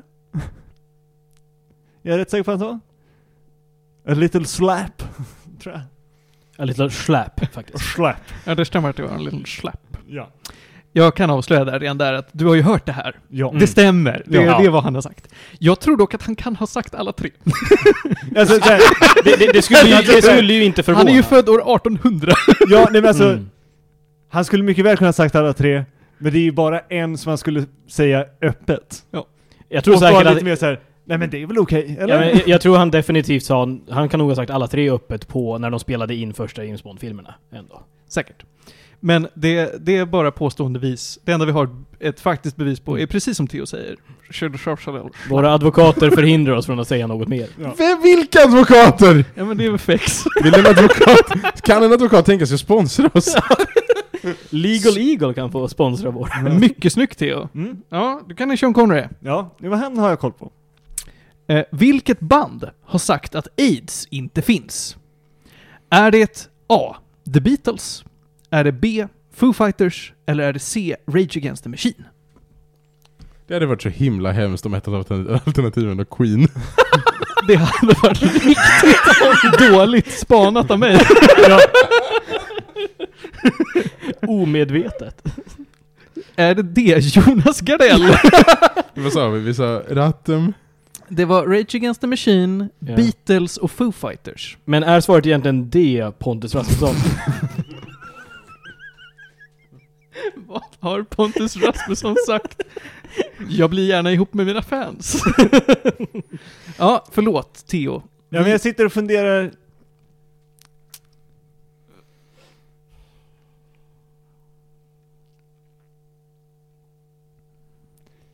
Det är lite beroende på i kontexten, men jag skulle ju tro att... Vill du ha kontexten? Vill du ha den hinten? Ja, men om vi börjar där. Ja, men du kan få det som en livlinehint om du ja, inte vill. jag, jag, jag bränner en av mina tre livlinor här. Det har hållits ett större event, en typ av, inte ett konvent, men en, en konsert med, med temat AIDS finns inte, vi ska ha band här som promotar det budskapet. Ohoj. Ja, jag vet. Jag vet. Oh boy, jag vet. Uh, vilka var det förutom Beatles och uh, Rodham? Det var Foo Fighters. Foo Fighters. Alltså Foo Fighters känns... De känns för unga, Ja, tycker jag. Men då har vi ett riktigt gammalt band och ett inte lika gammalt band. nej. Mm. Det var, Alltså, där, det var så jag, skulle valde dem. Säga, ja. Ålders, Mm. eh, tidsåldermässigt. Jag skulle vilja säga Beatles, men jag tror inte. De känns ändå som att de var med i svängen. Eller så brydde de sig inte och skulle inte ha kommenterat överhuvudtaget. Eller varit där. Och de var ju väldigt bra kompisar med Chuck Berry. En väldigt ifrågasättbar typ. Ja, Beatles är ifrågasättbara också. ja alltså så, mycket ifrågasättbart. Men jag har svårt att se att de skulle orka ta sig till spelningen. Det var säkert Yoko Ono som ville dit. Och säga, hörni, jag tror inte på AIDS. Väldigt, eh, det kan vara så att om det är, om det nu är Beatles så kan det vara hennes förtjänst. Mm. Ja, men så skulle det kunna vara. Ja, Men jag tror att jag vill lägga min röst på Rage Against the Machines faktiskt. Ludvig. jag tänker kontra med Beatles. Mm. Jag kan ingenting om Rage Against the Machines. Nej, okej, okej. Men, men lite samma som, alltså det, det, det, Beatles passar i tidsepoken. Bara för att de kan säkert ha råkat hamna där. Panos, vill du säga rätt svar? Ehm, år, och det finns en organisation som heter Alive and Well AIDS Alternatives. Jag har faktiskt läst en artikel om det här, det är därför jag kan det här. Och deras event, år 2000, headlinades av Foo Fighters. Va? Så De är, de är HIV-förnekare. De har aldrig backat på det här. Officiellt. De har aldrig backat och sagt det här var dumt.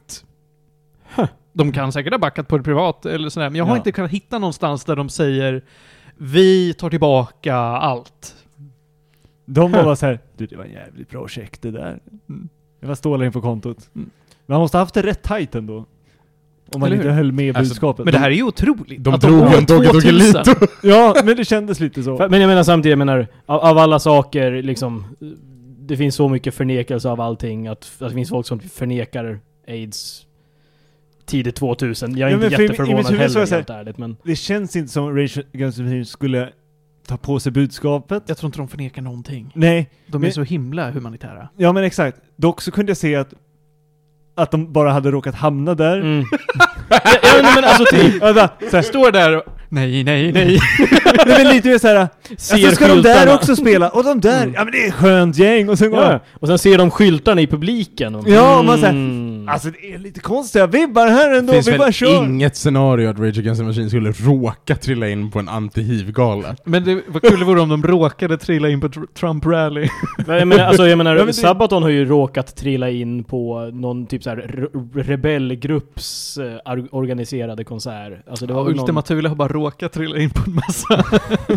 Ja, Nej, nej, nej, men alltså, nej men spe- specifikt, det var väl alltså en... Det, det blev ju typ kontroversiellt för de spelade en konsert och den var typ... Den konserten var organiserad av någon rebellgrupp typ. Okej. Mm. Eh, Ja. Och de hamnade ju lite i liksom, Blåsväder. blåsväder för det. Ja. Ja, Men det är spännande. Hade ju också gått ut i efterhand och sagt vi gjorde bort oss. Ja. Mm. Eh, men det här var roligt. Det, det är väldigt eh, kul fakta. Ja. Eh, det var, du har ändå många poäng Theo. Det är Ja, okej. Du är uppe på tre och fyra hittills. Ja, jag Sista frågan. Ja, Sista frågan. Utslagsfrågan. Ja, det är det. Eh, och den här är... Eh, den här får du se hur dina historiekunskaper är. Oj. Vem har gift sig med sin egen dotter? Är det A. Woody Allen, B. Andy Warhol eller C. Wes Anderson? Den här kan jag också. Är det inte styvdotter som är Woody Allen? Han har ju gift sig Det rör sig om adoptivdotter. adoptivdotter, så kanske det är. Ja men då, då, då vill jag säga Woody Allen. Det är ju så att du har helt rätt. Ja. Snyggt. Den, den, den får du inte Ludde. Theo var för säker Nej, det. det, Ja. det är fine. Jag hade in, typ inte haft någon aning. Jag tror jag hade sagt Woody Allen bara för att han har gjort typ andra, andra weird grejer. Så jag hade bara, ah, ja, I guess. Woody Allen är anklagad för att ha sexuellt antastat sin sjuåriga adoptivdotter och han har sedan gift sig med sin eh, andra adoptivdotter. De är fortfarande gifta idag. Mm. Mm.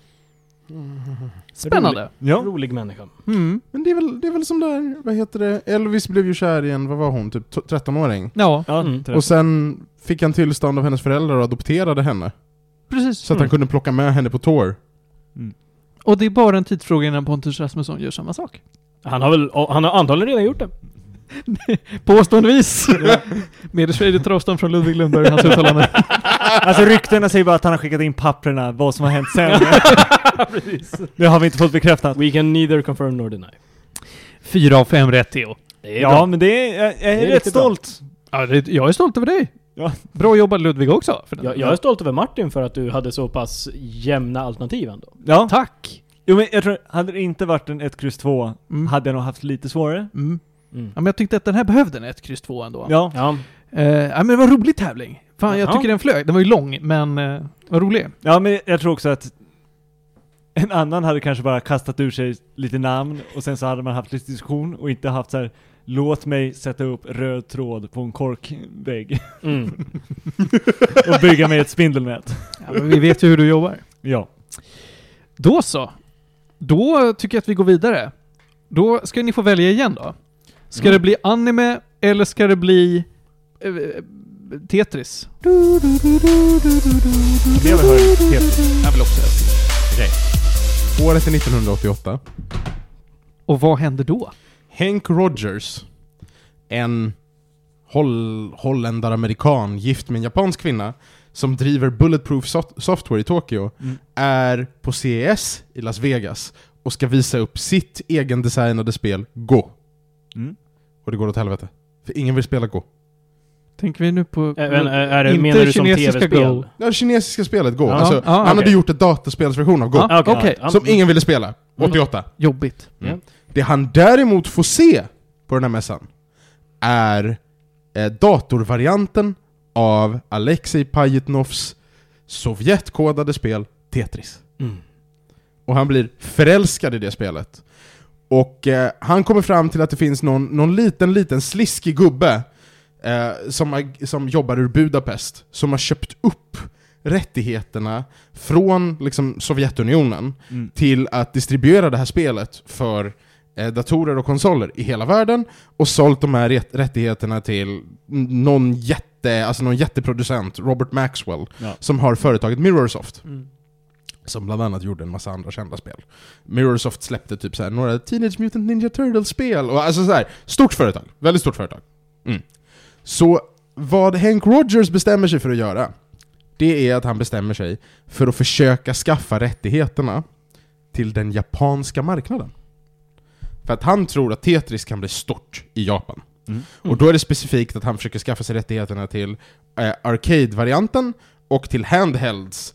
Och det slutar med ett avtal med Nintendo som visar honom Gameboy och han övertygar dem att chippa Tetris istället för något annat spel för det kommer slå igenom mycket bättre. Mm. Eh, för de vill chippa Super Mario och han bara ja, ja, Super Mario, absolut, men Tetris.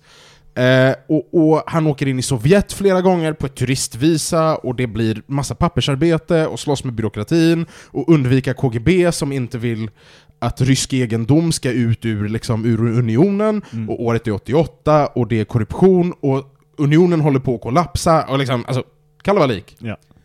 Det är vad Apple TVs film Tetris från 2023 handlar om. Ah. Mm. Två timmar!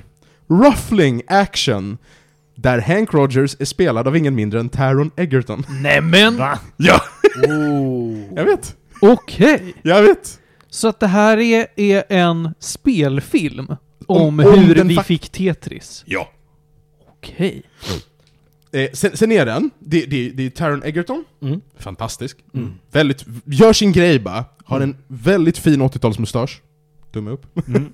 Tumme upp. Ehm, och sen är det Anthony Boyle och Toby Jones. Mm, Toby Jones. Vad har vi sett Toby Jones? Toby Jones är ju Dobby. Han är eh, Dr. Eh, Dr. Zeta i eh, Marvels filmer. Eller nej, Dr. Zola. Jaha, Marvels Zola. filmer. Ah. Eh, han, eh, han har ju gjort så himla mycket. Han spelar bland annat i Hungerspelen, alltså han spelar, han, han spelar ändå Han är en ju del en del. klassisk såhär, nej, När- nej, när man han är ser honom känner man igen honom. Han är ju Hungerspelarna. Han är med i Hungerspelen. Du tänker väl på... eh, en eh, klassisk såhär Nej, B-skådis. han är med i Hungerspelen. Med alltid en sidokaraktär som alltid gör en fantastisk liksom insats. Mm. Jo men precis, ja, men jag känner igen honom så väl. Nej men, och, så här, och förutom de tre, så är det faktiskt typ exklusivt bara faktiskt ryska skådisar. Mm. Mm. Så att för en gångs skull har vi en massa moral ifrågas moraliskt ifrågasättbara ryssar som inte spelas av svenska skådisar, utan faktiskt spelas av ryska skådisar. Mm. Peter Så- så- Stormare så- i alla roller. Alltså, typ. så, så deras ryska är alltså faktiskt bra? Ja, ja, allt, allt det, det är korrekt.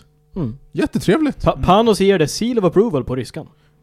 Typ. För det har du mandat att göra. Kanske, jag vet inte. Ryssarna får inte ha tolkningsföreträde i något längre, så nu tar jag det. Okej, ja. Du tog den rollen, bara sådär. Ja, nej Men men... har, eh, någon har alltså gett några ryssar jobb. Det var ju, kanske de behövde. Mm. Den här är ju, den här är ju då såklart proddad innan kriget. Ja, ja, ja. Såklart. Ja, jo. Klart. Ehm, Men de, be- nå- de skådespelarna behöver ju lite pengar för att överleva kriget. nej men eh, det här, är en, det här är en spännande film. Den innehåller några så här animerade små 8-bitars segment. Mm. Väldigt gulligt. Kontinuerligt väldigt gulligt. Den är lite, alltså den, den försöker ändå vara lite så här halvhistorisk. Det är lite social network men på, cra- Mm. på crack liksom. Men, eh, väldigt mycket crack. Under hur lång tid utspelar sig filmen? Nej men den utspelar sig liksom det, där, den här året, det här första halvåret eller Ja. det är, när de liksom försöker få till dealen. Okej, Ja. men, men så det är liksom, det är ganska, det är inga liksom stora tidshopp egentligen, utan det är mer... Nej, nej, nej, nej, nej, Nej. nej, nej, utan den är, liksom, den är verkligen baserad på hur han försökte, han satte hela sin ekonomi på spel Mm. för att liksom försöka få till det här, och så vad som hände därefter. Där. Ehm, vad som är väldigt gulligt är ju att det här har ju hänt på riktigt. Mm. Japp. Eh, så att riktiga Hank Rogers har ju då, alltså det finns så här handheld camera footage från hans resa till Moskva, när han träffar Alexej Pajitnov. Alltså det är så här. Och sen, och sen så tappar Nintendo patentet 96 och de blir bästisar och öppnar The Tetris Company tillsammans. Alltså det är så här, Ja. det är liksom, det är verkligen spelhistoria på ett sätt ehm, Ja, nej men, nej men det är toppen. Toppenfilm. Den är, den är inte välskriven. Alltså den är, ibland är det bara så här. Det här var ju en väldigt förväntad och väldigt klyschig replik. Mm. Men det är bara så här, det var det ni behövde för att driva den här scenen framåt. Ja. Ni får ta den, unna er den. Storyn är alltså tillräckligt bra för att den inte ska behöva vara välskriven. Så här, den är underhållande. Mm. Den är janky, pacingen går upp och ner. Alltså den följer liksom inte en cinematografisk kurva, på Mm. något sätt. Den är mycket janky, men den är faktiskt två timmar underhållande.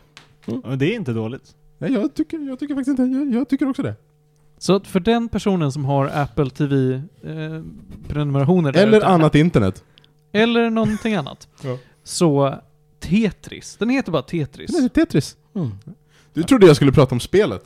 Jag förväntade mig mer spel än film, det gjorde jag. Ja, Ja. tji Du, fick du, du! du, blev, fick jag. ja, du blev så jävla ägd Martin. Ja, alltså, jag tar på mig den. Mm. Riktigt grundlurad. Ja. Jag tror att det var, eh, tyvärr, jag har försökt söka upp namnet i huvudet hur länge som helst nu, men de gjorde ju en ny version av Tetris. Och jag tror det var den du hade snubblat över för några, typ såhär fem, sex år sedan nu. Mm. Sen är det såhär, Tetris Super Z-mode eller någonting, jag kommer inte ihåg vad den heter. Tetris Super Mega Death Christ 3000. Ja. Mm. Ganska roligt. Mm. Mm. Kanske. Nej men så här, den är löst baserad på, tetri, på, på vad som faktiskt hände. Mm. Pajitnov och Rogers har faktiskt varit med och rättat saker i scriptet. Mm. Roligt. För att det är, så, det är en så nutida händelse. Ja. Ja. Jättetrevligt. Och eh, vem älskar inte Tetris? Nej, jag tycker verkligen inte om Tetris. Jag, Jag, jag, jag, har det alltid som en varit, produkt, men fan vad tråkigt det är. jag, jag har alltid varit lukewarm till det. Alltså Tetris, som spel. Jag tycker det är fantastiskt roligt. Mm. Men också stora delar av både mitt jobb och fritid, då jag behöver packa saker, så lyssnar jag rätt mycket på, alltså när man är så här, och nu är det tight om tid, jag måste liksom lyckas få in allt det här i den här resväskan, eller i den här packlåren, eller i den här lastbilen, eller vad det nu är. Då har vi en lång lista med Tetris-remixar som man bara sätter på, försvinner in i så här. ingen kan prata med mig, men jävlar vad packat det blir. Det är mycket Helt- övervikt på de bilarna. Mm. Helt rätt. Men är det packat enligt Tetris-principen då? Ja, det, det är väl lite mer bara se mönster och se hur bitar ska passa ihop. Ah, okej. Men det är lite det liksom En liten hemlis om hur man kan låsa upp ett sinne att börja se saker i andra former. Du, någon annan som ser saker och former väldigt väl? Mhm. Det är ju... eh, Nej. Vill Jag är inte klar gäddor? Nej, du var inte klar, förlåt. Förlåt? Jag Jag måste ju ge gäddor. Jag har mitt, jag har mitt, eh, mitt, mitt Tetris-minne. Ja, Ja. det måste vi få höra. Som, som åttaåring så var jag nere i Grekland när det var någon högtid, och då brukar man ha så här marknad, och då säljs det ju såklart jättemycket trams riktat till barn. För det är ju så man kapitaliserar på marknader.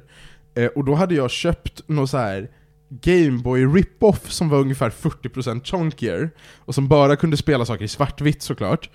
Men man Till kunde koppla från in... vanliga Gameboy. Som spelar Som- i grön... Ja men som då var, nej men som då var, då var det ju liksom Game Boy Advance, vi, ja, Game Boy Color, Game Boy Color, vi hade Game Boy Ah, Color. okej, right. Hur som Ja. helst. Ehm, men framförallt kunde man, ma- eftersom det var någon piratemulator, så kunde man koppla in den till TVn. Och så koppla in kontroller till den och liksom spela, spela alla de här emulerade spelen på TV.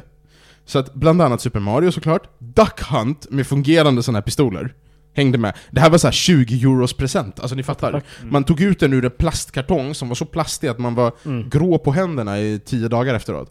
Men den hade såklart också Tetris. Och det som hände var att jag hann spela Tetris två gånger, och sen blev min mormor så skenande beroende av Tetris att hon dygnade det i typ två veckor tills konsolen gick sönder. Long live mormor! Mormor 1, Tetris, så konsolen 0. Exakt så! Mormor 1 Pirat, Tetris 0. ja, äh, men eh, Tetris får en solid 7 av 10 av mig. Vem ser former? Ja, det är väl de som jobbar mycket i hemmet med att fixa och dona och ska framförallt ta hand om barn och sånt. Ja, men alltså du var ju på väg på en väldigt, väldigt bra segway. Tack så mycket. Take it away Theo. Ja, och som i alla podcasts, det är, tror jag är en känd podcastregel regel enligt eh, Will Smith, not the actor, eh, att en för bra segway måste påpekas. Mm. Vi ska prata om Way of a House Husband. Ja, för det finns en eh, manga som är en kortformsmanga får man ju säga. Det är oftast, det är korta kapitel, liksom små liksom mer scener man kan säga. Med lite lustiga feel good moments bara. Och det här har man då gjort om sen till en anime som går att titta på Netflix. Avsnitten är sex minuter långa ungefär. Och den heter The Way of the House Husband. Då en före detta Big Shot Yakuza-snubbe har lagt sin katana på hyllan, hängt av sig kostymen, utan nu glider runt i ish fortfarande en Yakuza-look, men med ett rosa förkläde med en björn på. Och sen så med samma seriösa intensitet som en japansk gangster försöker han lösa olika vardagsproblem och se till att hans fru är glad och lycklig. Är det här alltså en samling med lite längre sketcher? Ja, mer eller mindre. Om åh nej, nu har jag kokat potatisen för länge. Ja men det är lite typ så här. Hans, eh, ja men någon lite mer såhär streetpunk som var ny i gamet när han var liksom gammal legend innan han hoppade av. Bara oh shit där är han ju! Draken, jag kommer inte ihåg vad han heter. The Immortal Dragon. Ja, det är Immortal Dragon. Bara shit fan nu, vad håller du på med här? Och han bara, du det är seriösa grejer. Det är rea på vitt pulver. Och han var såhär, oh shit fan, vart går dealen ner? På Ica. och sen går de till ett köpcenter och köper mjöl. alltså det är på den nivån. Det är liksom så här. Här har jag perfekta tillhygget. En 45-60 regel.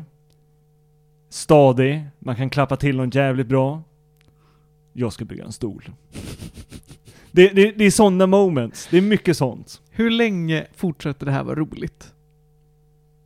Alltså, Hur lång är den här serien? det finns en säsong än så länge, jag tror att de har Hur lång är mangan? Jag vet inte, alltså det här är något som jag bara Det så här här, ser ut som en Kalle Hobbestripp. Ja, men alltså det är lite den känslan. Ja. Och den är, något som är också väldigt fantastiskt är att den är rätt dåligt animerad. Utan det man har gjort är, man har försökt behålla den här, det är, mer, det är lite mer så här motion comic liksom så här. Det är bara mangarutorna lite lätt animerade. Herregud. Och det funkar väldigt bra. Sen, alltså det är, jag tror att de håller på att jobba på en säsong två. Jag tror att det är 12 eller 20 avsnitt. Det, det, 15 tror jag. Ja, alltså, det, det gick väldigt fort. För jag har kollat på den här på Netflix. Eller jag har inte kollat på den, men jag har Nej. tittat på... Alltså, Ja. för, för jag vill bara lägga som kontext. Johan var ju väldigt eh, excited över den här. Ja, visst. Den här kom ut 2018, 2019 eller vad Ja. det var, första. Och då var han jätteexcited över den. Och sen var vi såhär, det här måste vi kolla på, här! och sen har vi aldrig återkommit till den. Nej. Men, Men alltså det är, det är bara så feel good moments. Och nu, jag tror att det är inför hypen, så att säsong två kan ha släppts, jag är inte säker. Men inför hypen för säsong två, så släppte de The Ingenuity of the House Husband.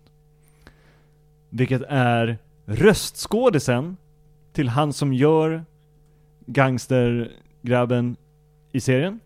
Har blivit så inne i det här att han ger husmorstips på Netflix. Då det är, det är, det har man ju också typ 6-7 minuter. Den är oftast så här två, det är två tips liksom.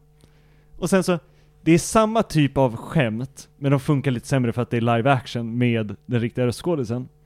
Och han är ju inte en gangster så vissa grejer funkar sådär. Men det är lite så här. Nu ska jag gå och eh, göra tvätt. Shit. Det här är en, eh, en kodafläck på den här skjortan. Ah, jag ska ju gnida in den med smör först. För att luckra upp det här, torka av med papper och sen köra med fläckborttagningsmedel. Titta vad fint den blev. Nu hänger jag upp den. Oj, det blåste lite och hela klättställningen välte. Whoops! Ja men lite så. Okej. Lite så här. Nu ska jag visa hur man byter papper i en sån här pappersvägg som Mm. man har i Japan. Och det slutar med att katten river sönder väggen. Ja. Spoilers. Nej. Men det är bara... Vill man bara bli lite glad och må bra och bara ha en mysig stund, då kan man bränna av tre, fyra sådana här avsnitt. Hur Om- många ingenuities finns det då? Det tror jag är tio bara. Eller något. Tio avsnitt? Ja. Okej. Också a fem minuter. Ja. Mm. Det Det, här låter ju eh, jättemysigt. Ja, det var en flygplansresa ungefär. Ja, det var din flygplansresa från Alperna. Ja. Okej. Då betade jag av ett helt gäng av de här. Och var, fick lite, lite sköna tips till hemmet helt enkelt. Vad tyckte morsan om det då, medan du satt bredvid henne och fnittrade? Hon sa, vad är det för underlig man du tittar på? Jag här, han ger mig tvätttips. Då blev hon glad. Hon tittade på mig och sa, jag visste inte att du behövde det, du kunde ha frågat. När en son tittar på underliga män på Netflix för att få husmorstips. Ja. Mm. ja. Det är lite, men hur man löser upp olika typer av fettfläckar i tallrikar och lite sådana, Hur blir de med dålig lukt i skorna och sånt? ja men lite sådana grejer. Okej. Men han kör också, och det, det är väl den enda undliga skämtet som jag var lite såhär Varför har ni gjort det så här? Han är ju bara en skådis, så nu blir det lite andra signaler. Men när han öppn- säger att jag måste ju för det här öppna mitt skåp med vita pulver. Och så har han bara påsar med vitt pulver av olika slag i ett skåp. Jag säger hur många linjer drar den här skådisen egentligen för att komma in i the zone för den här rollen? det här är... Vi, vi, vi fick... Vi, vi bad om Marie Kondo. Vi fick det här. Ja, Och det här är det vi förtjänade. ja, Ja, men Men jag- animerade Marie Kondo är ju ganska trevligt. ja. Nej men alltså det här är... Det är bara en jättemysig stund. Nej, det här ska jag nog glo på. Ja, nej, Det men, sa jag förra gången också, men nu är jag ännu mer övertygad. ja, nej men för det är... Det är inte en så stor tidsinvestering. Avsnitten hänger oerhört löst ihop. Mm. Utan man kan se några och vara bara väldigt nöjd. Ja. Och sen kan man se när han blir väldigt upprörd över att shit fan, de här två gangstrarna försökte hoppa på mig när jag var i mataffären. Och nu misslyckades jag med att få tag på en brödrost när det var rea. För att de höll på att jiddra. Jag fick bara ett par jävla vantar. Fy fan alltså. De var fan inte ens halva priset. Vill du ge The Way of a House Husband och The Ingenuity of the House Husband några gäddor? Ja men sju av sju gäddor för Way of the House Husband. Och sen Sju av fem sju? av sju, fem av sju för... Fem av sju. Det är perfect score. Oh, Ja. okej. Mm. På... eh, Ingenuity. Ja, den, den, den räcker inte riktigt hela världen fram, vägen fram, men eh, jag fick några nya livskunskaper av den, så att det, Du har ju också gett en fem av sju. Ja. Mm. Är det bra? Tack så mycket för den. Nu hörni, nu ska vi prata om en blå liten, eh, blå liten jävel. Springer han snabbt? Ja, han gör det. Det är Mange. Mange på momangen. Sonic Unleashed, mina herrar. Mm. Sonic Unleashed är inte ett bra spel. Sonic-serien har ju fruktansvärt mycket spel i sig. Det känns som att för varje gång som Sega misslyckas med att göra ett, eh, eller släppa ett eh, Sonic-spel så eh, växer två nya idéer fram Mm. på dåliga idéer till Sonic-spel. För häromveckan så gav jag en tre snabb då jag pratade om The Murder of Sonic the Hedgehog som var ett väldigt roligt spel. Mm. Sen gav jag mig in på det här. Jag har ju då betat av alla PS3 och PS2-spel som Saga har sen hon var liten. Det känns i allmänhet som att Sonic bara inte funkar i 3D. Jo då, eh, Sonic Adventure 1 och 2 var bra spel. Var det alltså? Ja, jag tycker de Ja, var alltså bra. de är helt okej, man måste bara vara beredd på vad man är beredd, ska gå in för. Men det finns några riktigt läck- läckra banor, och några liksom, ja, men, coola idéer. Ja, visst. Och sen så är en hel del springa runt i en open world beat som man är så här. Det här skulle kunna varit en cutscene till nästa stage bara. Sen har vi också Big the Cat. Ja, men... Ta bort Big the Cat. nej men han är ju... Froggy. Ja men alltså, han, han, jag höll på att säga. Han är det sämsta och det bästa i det spelet. Mm. För han är the big gatekeeper. Vill du se klart storyn, då måste du fan fiska lite. The Big Gato Keeper. Ja. Ja. Eller Chamon. Eller Chamon! El Chamon! Ja. Jag fick vi in den. Som, eh, om jag ska dra en referens som absolut ingen kan, men när de körde The Big Sonic Cypher med massa nerdcore rapartister, så sa eh, The Stupendium, som i rollen Big the Cat, Pussies always skip the pussy. Character select. Tunga Den var bra. bars. Den var Tunga bra. bars.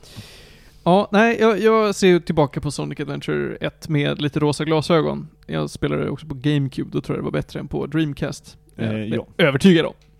Jag var inte lika imponerad av Sonic Adventure 2, men folk säger att det är ett betydligt bättre spel, rent objektivt. Det kan man diskutera. Annars så är jag inte... banor skulle jag påstå. Ja, men det så kan det nog vara. Annars har jag inte varit särskilt imponerad av Sonic i 3D. Och det är jag inte här heller. Det som är problemet med Sonic Unleashed eh, vi kan börja med det här. Problemet är inte banorna, problemet är inte att du spelar ibland som en varulv som har då eh, beat'em up-banor istället för springa snabbt-banor. Det är att i PS3-versionen, det finns alltså flera utgåvor av, av det här eh, till olika konsoler. Och de fungerar lite olika. I PS3-versionen, som jag också tror är samma som Xbox 360-versionen, så är du begränsad i din progression av att du måste plocka upp eh, gömda saker på varje bana. Åh. Du kan inte gå från bana 1 till bana 2 utan att ha hittat gömda collectibles. He- helt Fruktansvärt designval. När Ja. det handlar om Sonic, där det ska vara bana till bana till bana, action till action, det ska gå fort. Ja. Det här ger mig Trine 3 flashbacks. Eller hur? Jag ville inte säga det för att inte spoila det för er när vi pratade om Trine 3 här för två veckor sedan. Men fy fan. vad jag hatar när spel är så här. Nej, du måste gå tillbaka och leta efter gömda föremål. Mm. Nej, det skulle vara mer en belöning så här. Åh, gjorde du det här också? Du kan få se den här lilla extra grejen. Precis. Men också typ Assassin's Creed Odyssey. Ja, den hade ju det. Gå tillbaka. Harry Potter 4 hade det. Ett Mm. spel ingen vill spela mer än en gång. Helst inte ens en gång. Mm. Vad händer då i Sonic Unleashed? Jo, så här är det. Eggman har ställt till det igen. Han har sprängt jorden. Vilken jävel. Ja visst. Jättedåligt. Han har också trollat Sonic så att han har blivit till en eh, varulvs... Eh, werehog. Det är en varulvsigelkott. Så på natten så bl- blir han stor och får, får bli stor och stark. Jag, jag, tror, jag tror att Eggman inte har förstått hur terminologin för, eh, för djur funkar. Nej, jag förstår inte det En, alls. were, en werehog blir ju en um, varulvsgris. Ja. En hog är ju uh, Hoggy Boy, det är ju eh, oink oink. Är det Sonic som är El Chamon nu? Det- Sonic är För ju... det första, where är människodelen av varulven? Ja, då är det en människogris. Okej. Mm. Ja, ja. Ja, Ja, ja för att Det är en, en wereware är en människomänniska. En- ja, ja visst. Mm.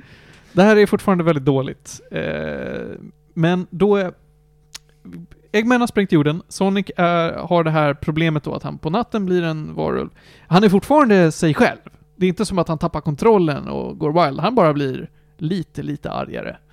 Och pratar med en lite hårdare röst. Eh, han träffar, han kraschar också ner på jorden från en rymdstation som Eggman har använt för att spränga jorden med och landar på en liten flygande varelse som jag har glömt vad han heter, men han heter typ Chip. Chip är fan det sämsta med spel. Det är fan sämre än att jag är begränsad. För att hans, han konstant bara är jobbig. Han flyger med dig hela tiden och ska fungera som en sorts eh, Hey, na- listen. Navi. Ja, Mm. precis. Exakt. Ja. Eh, hey Sonic, do this and do that. Men hans röstskådis gör ett så dåligt jobb på engelska att jag blir så arg. Mm. Eh, och hans manus är bara jobbigt. Jag, jag hatar honom. Jag vill, alltså jag vill äta upp honom, men han är också the big McGuffin. Så han måste vara med. Mm. Och man ska tycka om honom. Han är gjord för att vara så här. åh nej, dö inte, bitch boy. men jag hatar honom. För, för, är, är det Resident Evil-kvalitet på voiceover? Eller på röstskådespelet? Ja, det är det. Ja. Absolut. Eh, du ska springa omkring på olika delar av den här låtsasjorden. Du springer, börjar i Grekland, men inte Grekland, så hamnar du i Kongo, och så springer du vidare, är i, hänger på Island och så vidare. Springer runt på olika världsdelar. Men De- vänta lite Martin, du sa först hänger du på Grekland men inte Grekland, sen sa du att han hänger i Kongo. Men inte Kongo. Ah, Okej. Mm. Mm. Och sen är i Island, men inte Island. Du vet, Right. alla de där ställena, men utan att främja turismen. Exakt. Mm, Okej, right, right, right. Eh, Men det är uppenbart vart man är någonstans. Mm. Förutom då Kongo som jag inte... Det, det är lite nondescript. Eh, Afrikaland. Eh, jo. Martin! Jo då, men det är nidbilden av Afrikaland. För det är verkligen bongo, bongo, bongo. Jag far aldrig från Kongo. Hjälp! Han hänger med massajer. Det är Kenya! Eller är det malajer? Nej! Det är ingen som vet. Men är, alltså, om vi kan smala av det. Typiskt Centralafrika. Om vi ska vara lite absolut. mer Ja, ska vi, ska vi begränsa oss så är det absolut Centralafrika. Med, med det Vi kanske är ute till höger en bit. Ja, nej men alltså. Mm. Tänkte, det är ändå en stor kontinent vi kan... Gud ja! Men det är nidbilden av hur Men- lite men- vi men- kan om Afrikas historia. Medis radio lovar. Medis radio lovar och svär heligt till alla fans och skickar Martin på Ceterra bootcamp. ja, Jag tror jag mer behöver lyssna på eh, Afrikas historia-podden. Men det är också avstånd från Sonic Unleashed depiction av Afrika. Ja, Så. absolut. ja, jo men det gör vi. Ja, ja det, den är bedrövlig. Eh, men ja, du är, det är väldigt mycket du måste backtracka. Du kan inte gå från en bana till en annan, utan varje liksom, land du är i har två, nej, fyra obligatoriska banor och typ sex helt valfrivilliga banor. Eh, sen Framgår det måste- vilka som är vilka? Ja, det gör det. I de flesta fall. Okej, ja. Det är så I- man i- vet att det inte är Grekland på riktigt. Vi har inte råd med så många barn. Ja, men det brukar vara så här, ja, day one, one och day one two och night one one och night one two. Mm. Efter det när det är så här one three och two three och Nej, men i. Grekland då är det en skylt att så här, Project not finished liksom. Det är, det är en byggarbetsplats där det, här, det kommer snart. Olympic money ran out. Ja. Mm. Where taxes? Eh, ja, det är problematiskt eh, i Grekland. Jajamän. Tillbaka till Sonic. Så, eh, du måste... Hur många ofärdiga banor i Sonic var det? Väldigt många, ska jag säga. Det är väldigt dåligt programmerat så som att du ofta bara klippar genom marken, Oh. du springer ut från ett stup när du inte siktar. Du har ju den här inbromsningen som Sonic bara inte ska ha. Där det är så här, ah, jag ska försöka stanna från det här stupet, men Sonic kan inte stanna för han åker för snabbt. Och sen så flyger man iväg som att man åker på såpa ungefär. Ja, jo men alltså den här... äh, Jag förstår varför man la in momentum-mekaniken. För att det känns som en grej som han borde ha. Men det funkar inte när det går så jävla snabbt. Nej, men problemet är att mekaniskt så är det bara ett hinder. För det känns som, nu vill jag stanna. Varför stannade jag inte? Mm. Och så blir man irriterad. Och det här är ett problem i nästan alla 3D Sonic-spel. Ja. Alla Sonic-spel där det går fort. Det här är ju såklart inte ett problem med snabbhet när man spelar som varulv Sonic. Då är det ju mycket mer att, ja, ah, jag greppade den här kanten, men det gjorde jag inte, så att eh, Mm. ja. då ramlade jag ner i lavan liksom. Eh, Jag glömde bort att jag hade klor. ja, men precis. Ibland kan det vara till din fördel, därför att din avståndet du, du klippar till en kant på är väldigt stort. Så att om du är fast mellan två kanter och så här, åh, du kommer ramla ner om du inte hoppar över rätt tid, så kommer det sluta med att du bara står och Alltså du verkligen flyger till valfri kant. Det, du, du kommer inte ramla ner. Ja. Det är rätt skönt. Eh, Men det är inte by design, det är bara dåligt. Problemet med snabbheten då, är, i spelet, takten, pacingen, är att du måste åka tillbaka till ett visst universitet i godtyckligt land. Eh, Vänta, vänta. Egg, Eggman sprängde hela världen, Ja, men, men, allt alla, är kvar. allt, är, allt är fine. Det är bara att man måste ta de här kontinenterna som nu freebasar lite i rymden och sätta tillbaks dem i, i, i jordkärnan. Tänk dig att du har jordkärnan som en liten sol och så bara flyter kontinenterna som luftburna öar runt jorden. Och man ska få, få dem på plats igen. Detta ska Sonic gö- göra Så genom han har att... mer separerat kontinentalplattorna från eh, själva... Ja, Det var så, kärnan. Så, så, Ja. Okej, så, men det är så, ett problem för man, Sonic har ju inga problem med så- att resa. Sonic har alltså avancerat från att typ springa på stora gräsmattor och göra grannarna arga till actual, liksom, nigh omnipotent eh, pla- planetary threat. Gud ja. Coolt. Tänk när vi ska lyfta in den här lilla Bitch Boy Chip i det här också. Mm. Mm. Eh, Vilka folk, andra cameos har vi? Amy Rose, Amy Rose, Tails, Tails. Brower. Eh, Big. Är, eh, är The Way med? Eh, Knuckles är inte med som jag minns.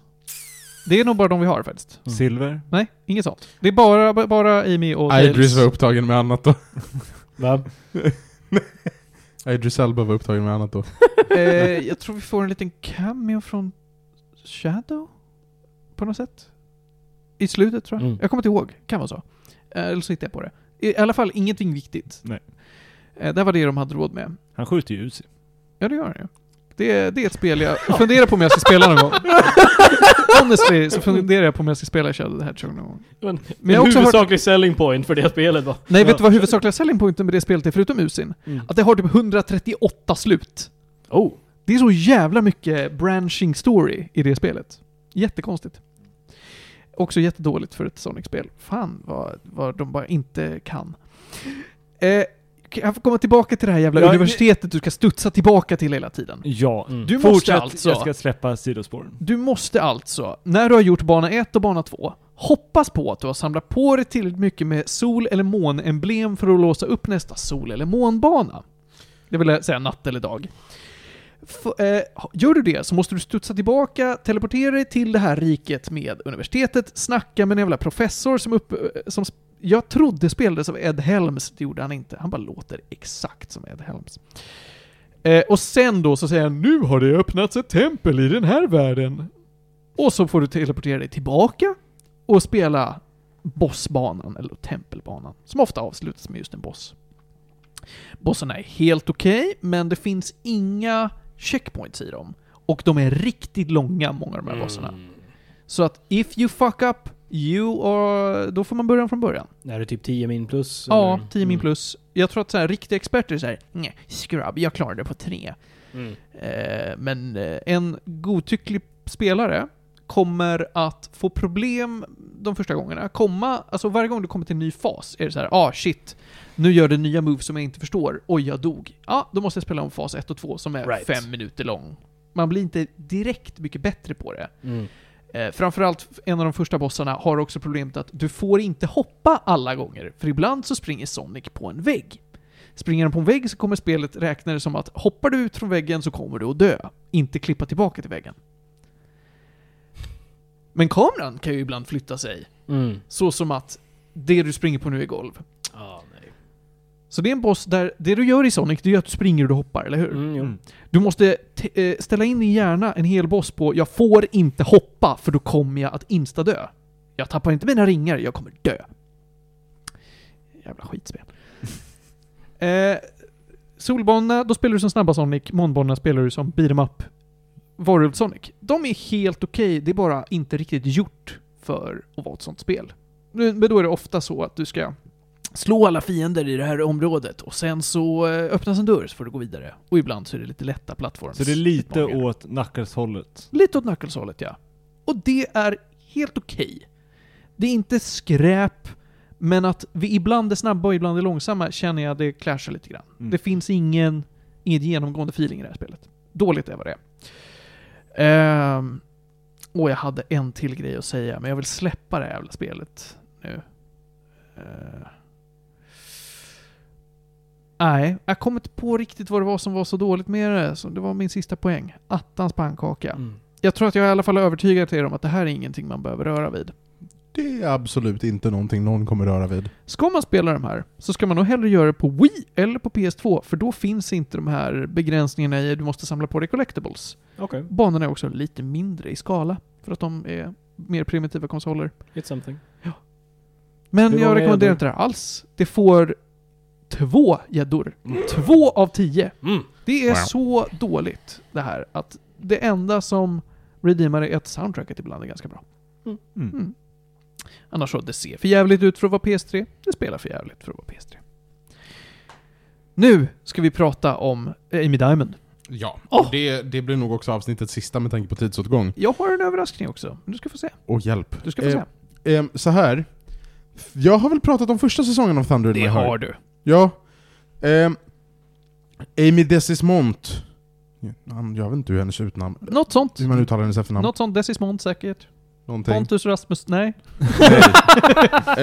Ehm, Rasmus Mont. så här, skriver, regisserar och är huvudpersonen i Thunder in My Heart. En av Viaplays tio egenproducerade serier. Mm. Det är väl lite romantik i den va? Nej! Eller? Det är Jo! en dramaserie. Det är en dramaserie! För jag för mig du har pratat med mig om, Men det är väl romantik också? om en Amy Diamond. Nej, alltså, Romantik. det vi har pratat om, Ludvig, Ja. det är faktum att man ser hennes vänstra tutte. Aha. Och att det är väldigt olämpligt att se Amy Diamond näck när man har vuxit upp. Right. I den åldern vi har vuxit upp. Mm. Men vet du vem som hade älskat det? Pontus Jag, jag nämner inga namn, det får ni göra. Han är för det första typ sju år yngre än henne, hur som helst. Eh, ehm, Ja, Han kan leta upp gamla klipp. så här. Eh, den är, det, det handlar ju om att Amy, Amy Diamond, eh, Amy Diamonds karaktär eh, är i en väldigt dysfunktionell familj. Eh, hennes, eh, näst, den mest viktigaste skådisen, Alexander Abdallah, spelar ett romantiskt intresse. Eh, säsong ett var toppenbra. Alltså riktigt, riktigt, riktigt, riktigt bra. Mm. Riktigt bra. Eh, avsnitten är typ 30 minuter. Det är verkligen så här. här är plågorna av att vara 20 någonting. Liksom verkligen kondenserat. Mm. Jag Det- känner de plågorna varje dag. Exakt. Den är rolig, den är dramatisk. Mm. Alltså, den här serien, just för att den är så kort också, så man kan typ bingea den lite. Mm. Det är bara, alltså det är en solid 9 av 10 för mig. Säsong 2 fortsätter vara en solid 9 av 10. Nu, nu väntar det sista avsnittet. Det kommer ut, det kommer, komma, det kommer ha kommit ut när avsnittet är live. Men jag har inte sett det än. Ah. Ehm, jag rekommenderar den här. Jättemycket. Den är jätte, jätte, jätte, jättebra. Fortsätt se på Thunder in My Heart på Viaplay. Jättegärna. Mm. Ja, toppen. Då ska vi komma till min överraskning. Åh nej. Eh, jag har sett en dokumentärserie på SVT Play som heter Tre pappor. Vet någon av er vad det här är? Är det här liksom Mamma Mia fast från pappornas perspektiv? Inte alls. Det var. Som sagt, det är en dokumentär. Ja men Mamma Mia är ju baserad på riktiga händelser. just nu. Vad sa du? Nej, vi släpper det. Okej. Det var en dålig referens. Ja. Så här är det. Eh, år, vad kan det ha varit? 2021 kanske. Eh, så lades ett videoklipp upp på, jag tror att det var på YouTube, där tre snubbar eh, säger Tja, vi ska bjuda in till ett pappa-retreat. Ingen av er känner igen det här? Det här klippet blev väldigt viralt. Eh, Det Mm. blev viralt för att de gör det väldigt konstigt och väldigt cringe. Det ser ut som tre människor som är kanske till synes lite höga. Som bara, vi ska meditera, bara vara, bara vara pappor. Vi ska göra en kakaoceremoni, vi ska dricka kakao och bara mysa, kanske bada lite. Och bara lära oss om hur man är en bra pappa. Mm. Och så är det ett klipp på kanske två minuter eller någonting.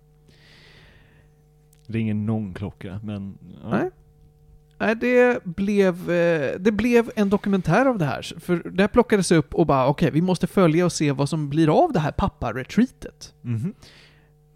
Och då får man göra det. Man får följa de här tre männen i sina liv, i sina liv som, som personer, i sina liv som pappor och i sin roll som ansvariga för det här pappa-retreatet. De har alltså hyrt en stuga i skogen, bjuder in folk som får pröjsa en slant och så eh, åker de ut och gör grejer. De, de verkligen mediterar, pratar, joggar, badar bubbelpool och äter. Mm. Det är, det är som ett kompisgäng bara att ja, vi känner inte varandra. Nej. Förutom vi tre som anordnar. det. Låter typ helsamt ändå. Vi åkte till Camp Abisko, liksom. Ja. Typ. Mm. Det är fyra avsnitt. Eh, Hur långa? En, eh, en timme. Oj, Mm. det är så mycket content. Ja. Det är mycket content. Det är en timme per pappa och sen är det en av pappornas bröder. Därför Alltså att det är lite point of view... det är det. De är liksom huvudfokuset. Man intervjuar dem väldigt mycket, får följa Mm. dem Mm. och får se deras vision av pappalivet. Mm. Och det görs väldigt snabbt väldigt tydligt att de här människorna vill ha ett pappa-retreat därför att de mår inte bra. Mm. De mår inte alls bra. I sig själva, i sin roll som pappa. De är osäkra liksom. Eh, så att det är tre män som inte alls mår bra och som gör grejer för att hantera det. Sista avsnittet som behandlar brorsan är en person som har koll på sitt liv och som inte alls köper det här spirituella pappa-retreatet där de håller på och mediterar och dricker och boy. Ta en bärs och vara människa. Ja men precis, han är lite sån. Det sägs så många gånger i det avsnittet så det, han lyfter sin hand och säger Jag förstår inte vad ni gör, jag kan inte relatera, jag tycker det här är konstigt och jag är obekväm. Och jag såg den här för att en podcast jag lyssnade på hade sagt Det här är det sjukaste ni har sett. Ni måste se det här. Och jag såg det här och kände, ja, de här människorna är människor som inte mår bra. Men jag måste säga att de både porträtteras som och bara man får den känslan av att det här är människor som försöker hantera sitt eget välmående. Mm. Det är aldrig så att jag vill skratta åt dem, att jag tycker att ni gör fel. Jag sitter och känner, okej, ni, gör, ni försöker. Och det ska de ha min respekt för. Jag vet inte riktigt vem som ska se dokumentärserien Tre pappor, för den är jättekonstig i och med att de sysslar med skumma grejer. Mm. Men om det är någon som är pappa och som mår psykiskt dåligt i sin, sig själv och kanske i rollen som pappa. Eller bara känner sig kanske lite extra osäker och nervös. Man får, Som- inte, man får inte pappatips i den här dokumentären. Det Nej. man inte. Jag tror att det är lite mer så här. ah, jag är i alla fall inte på den nivån än. Utan ma- man kommer få så här. ah, det här är varningsklockorna om det riktigt håller på att gå dåligt. Jag kan andas ut lite och kanske känna mig lite tryggare i, i, i min roll. Absolut. Det, det, det tror jag. Den smala publiken. Ja, Är men ändå publiken. de, de fem farsorna i Hökarängen. Jag, jag har bara whisky i min, eh, liksom... snu- I, Pappakatalog. min- i, min- i, min, papp, i, min, eh, i min snutteflaska. Eh, Jag har i alla fall inte bokat en retreat. Mhm, ja, jag Ja. förstår. Ja, ja, det är väl lite så. Jag vet inte vad riktigt vad jag väntade mig. Jag fick inte alls det jag trodde jag skulle få. Men det var en rätt trevlig upplevelse. Det kändes väldigt äkta och transparent i alla fall. Mm. Den var fin. Ja, men- Bara inte alls för mig. Nej. Men alltså det känns... Du förväntade dig lite hundra höjdare och fick eh, bandelaget som ska åka till eh, somaliska bandelaget. Ja! Det var väldigt bra parallell. Kanske jamaicanska boblandslaget. Ja. Så jävla bra. Cool runnings. Ingen hatar på cool runnings. Ingen hatar på cool runnings. I alla fall, så du har nog pinpointat det där. Eh, jag fick en helt annan upplevelse, men den var inte dålig. Nej. Eh, jag tänker inte ge några gäddor, för den, den får frågetecken av fem. In, jag skulle inte säga att den var underhållande heller. Nej, men det det var var bara en upplevelse som var äkta. Ja. Ja men både jag och, Och Saga satt och väl- bara det här kommer vara grejer, och sen var det inte grejer, men Ja. vi var inte missnöjda. Nej. Mm.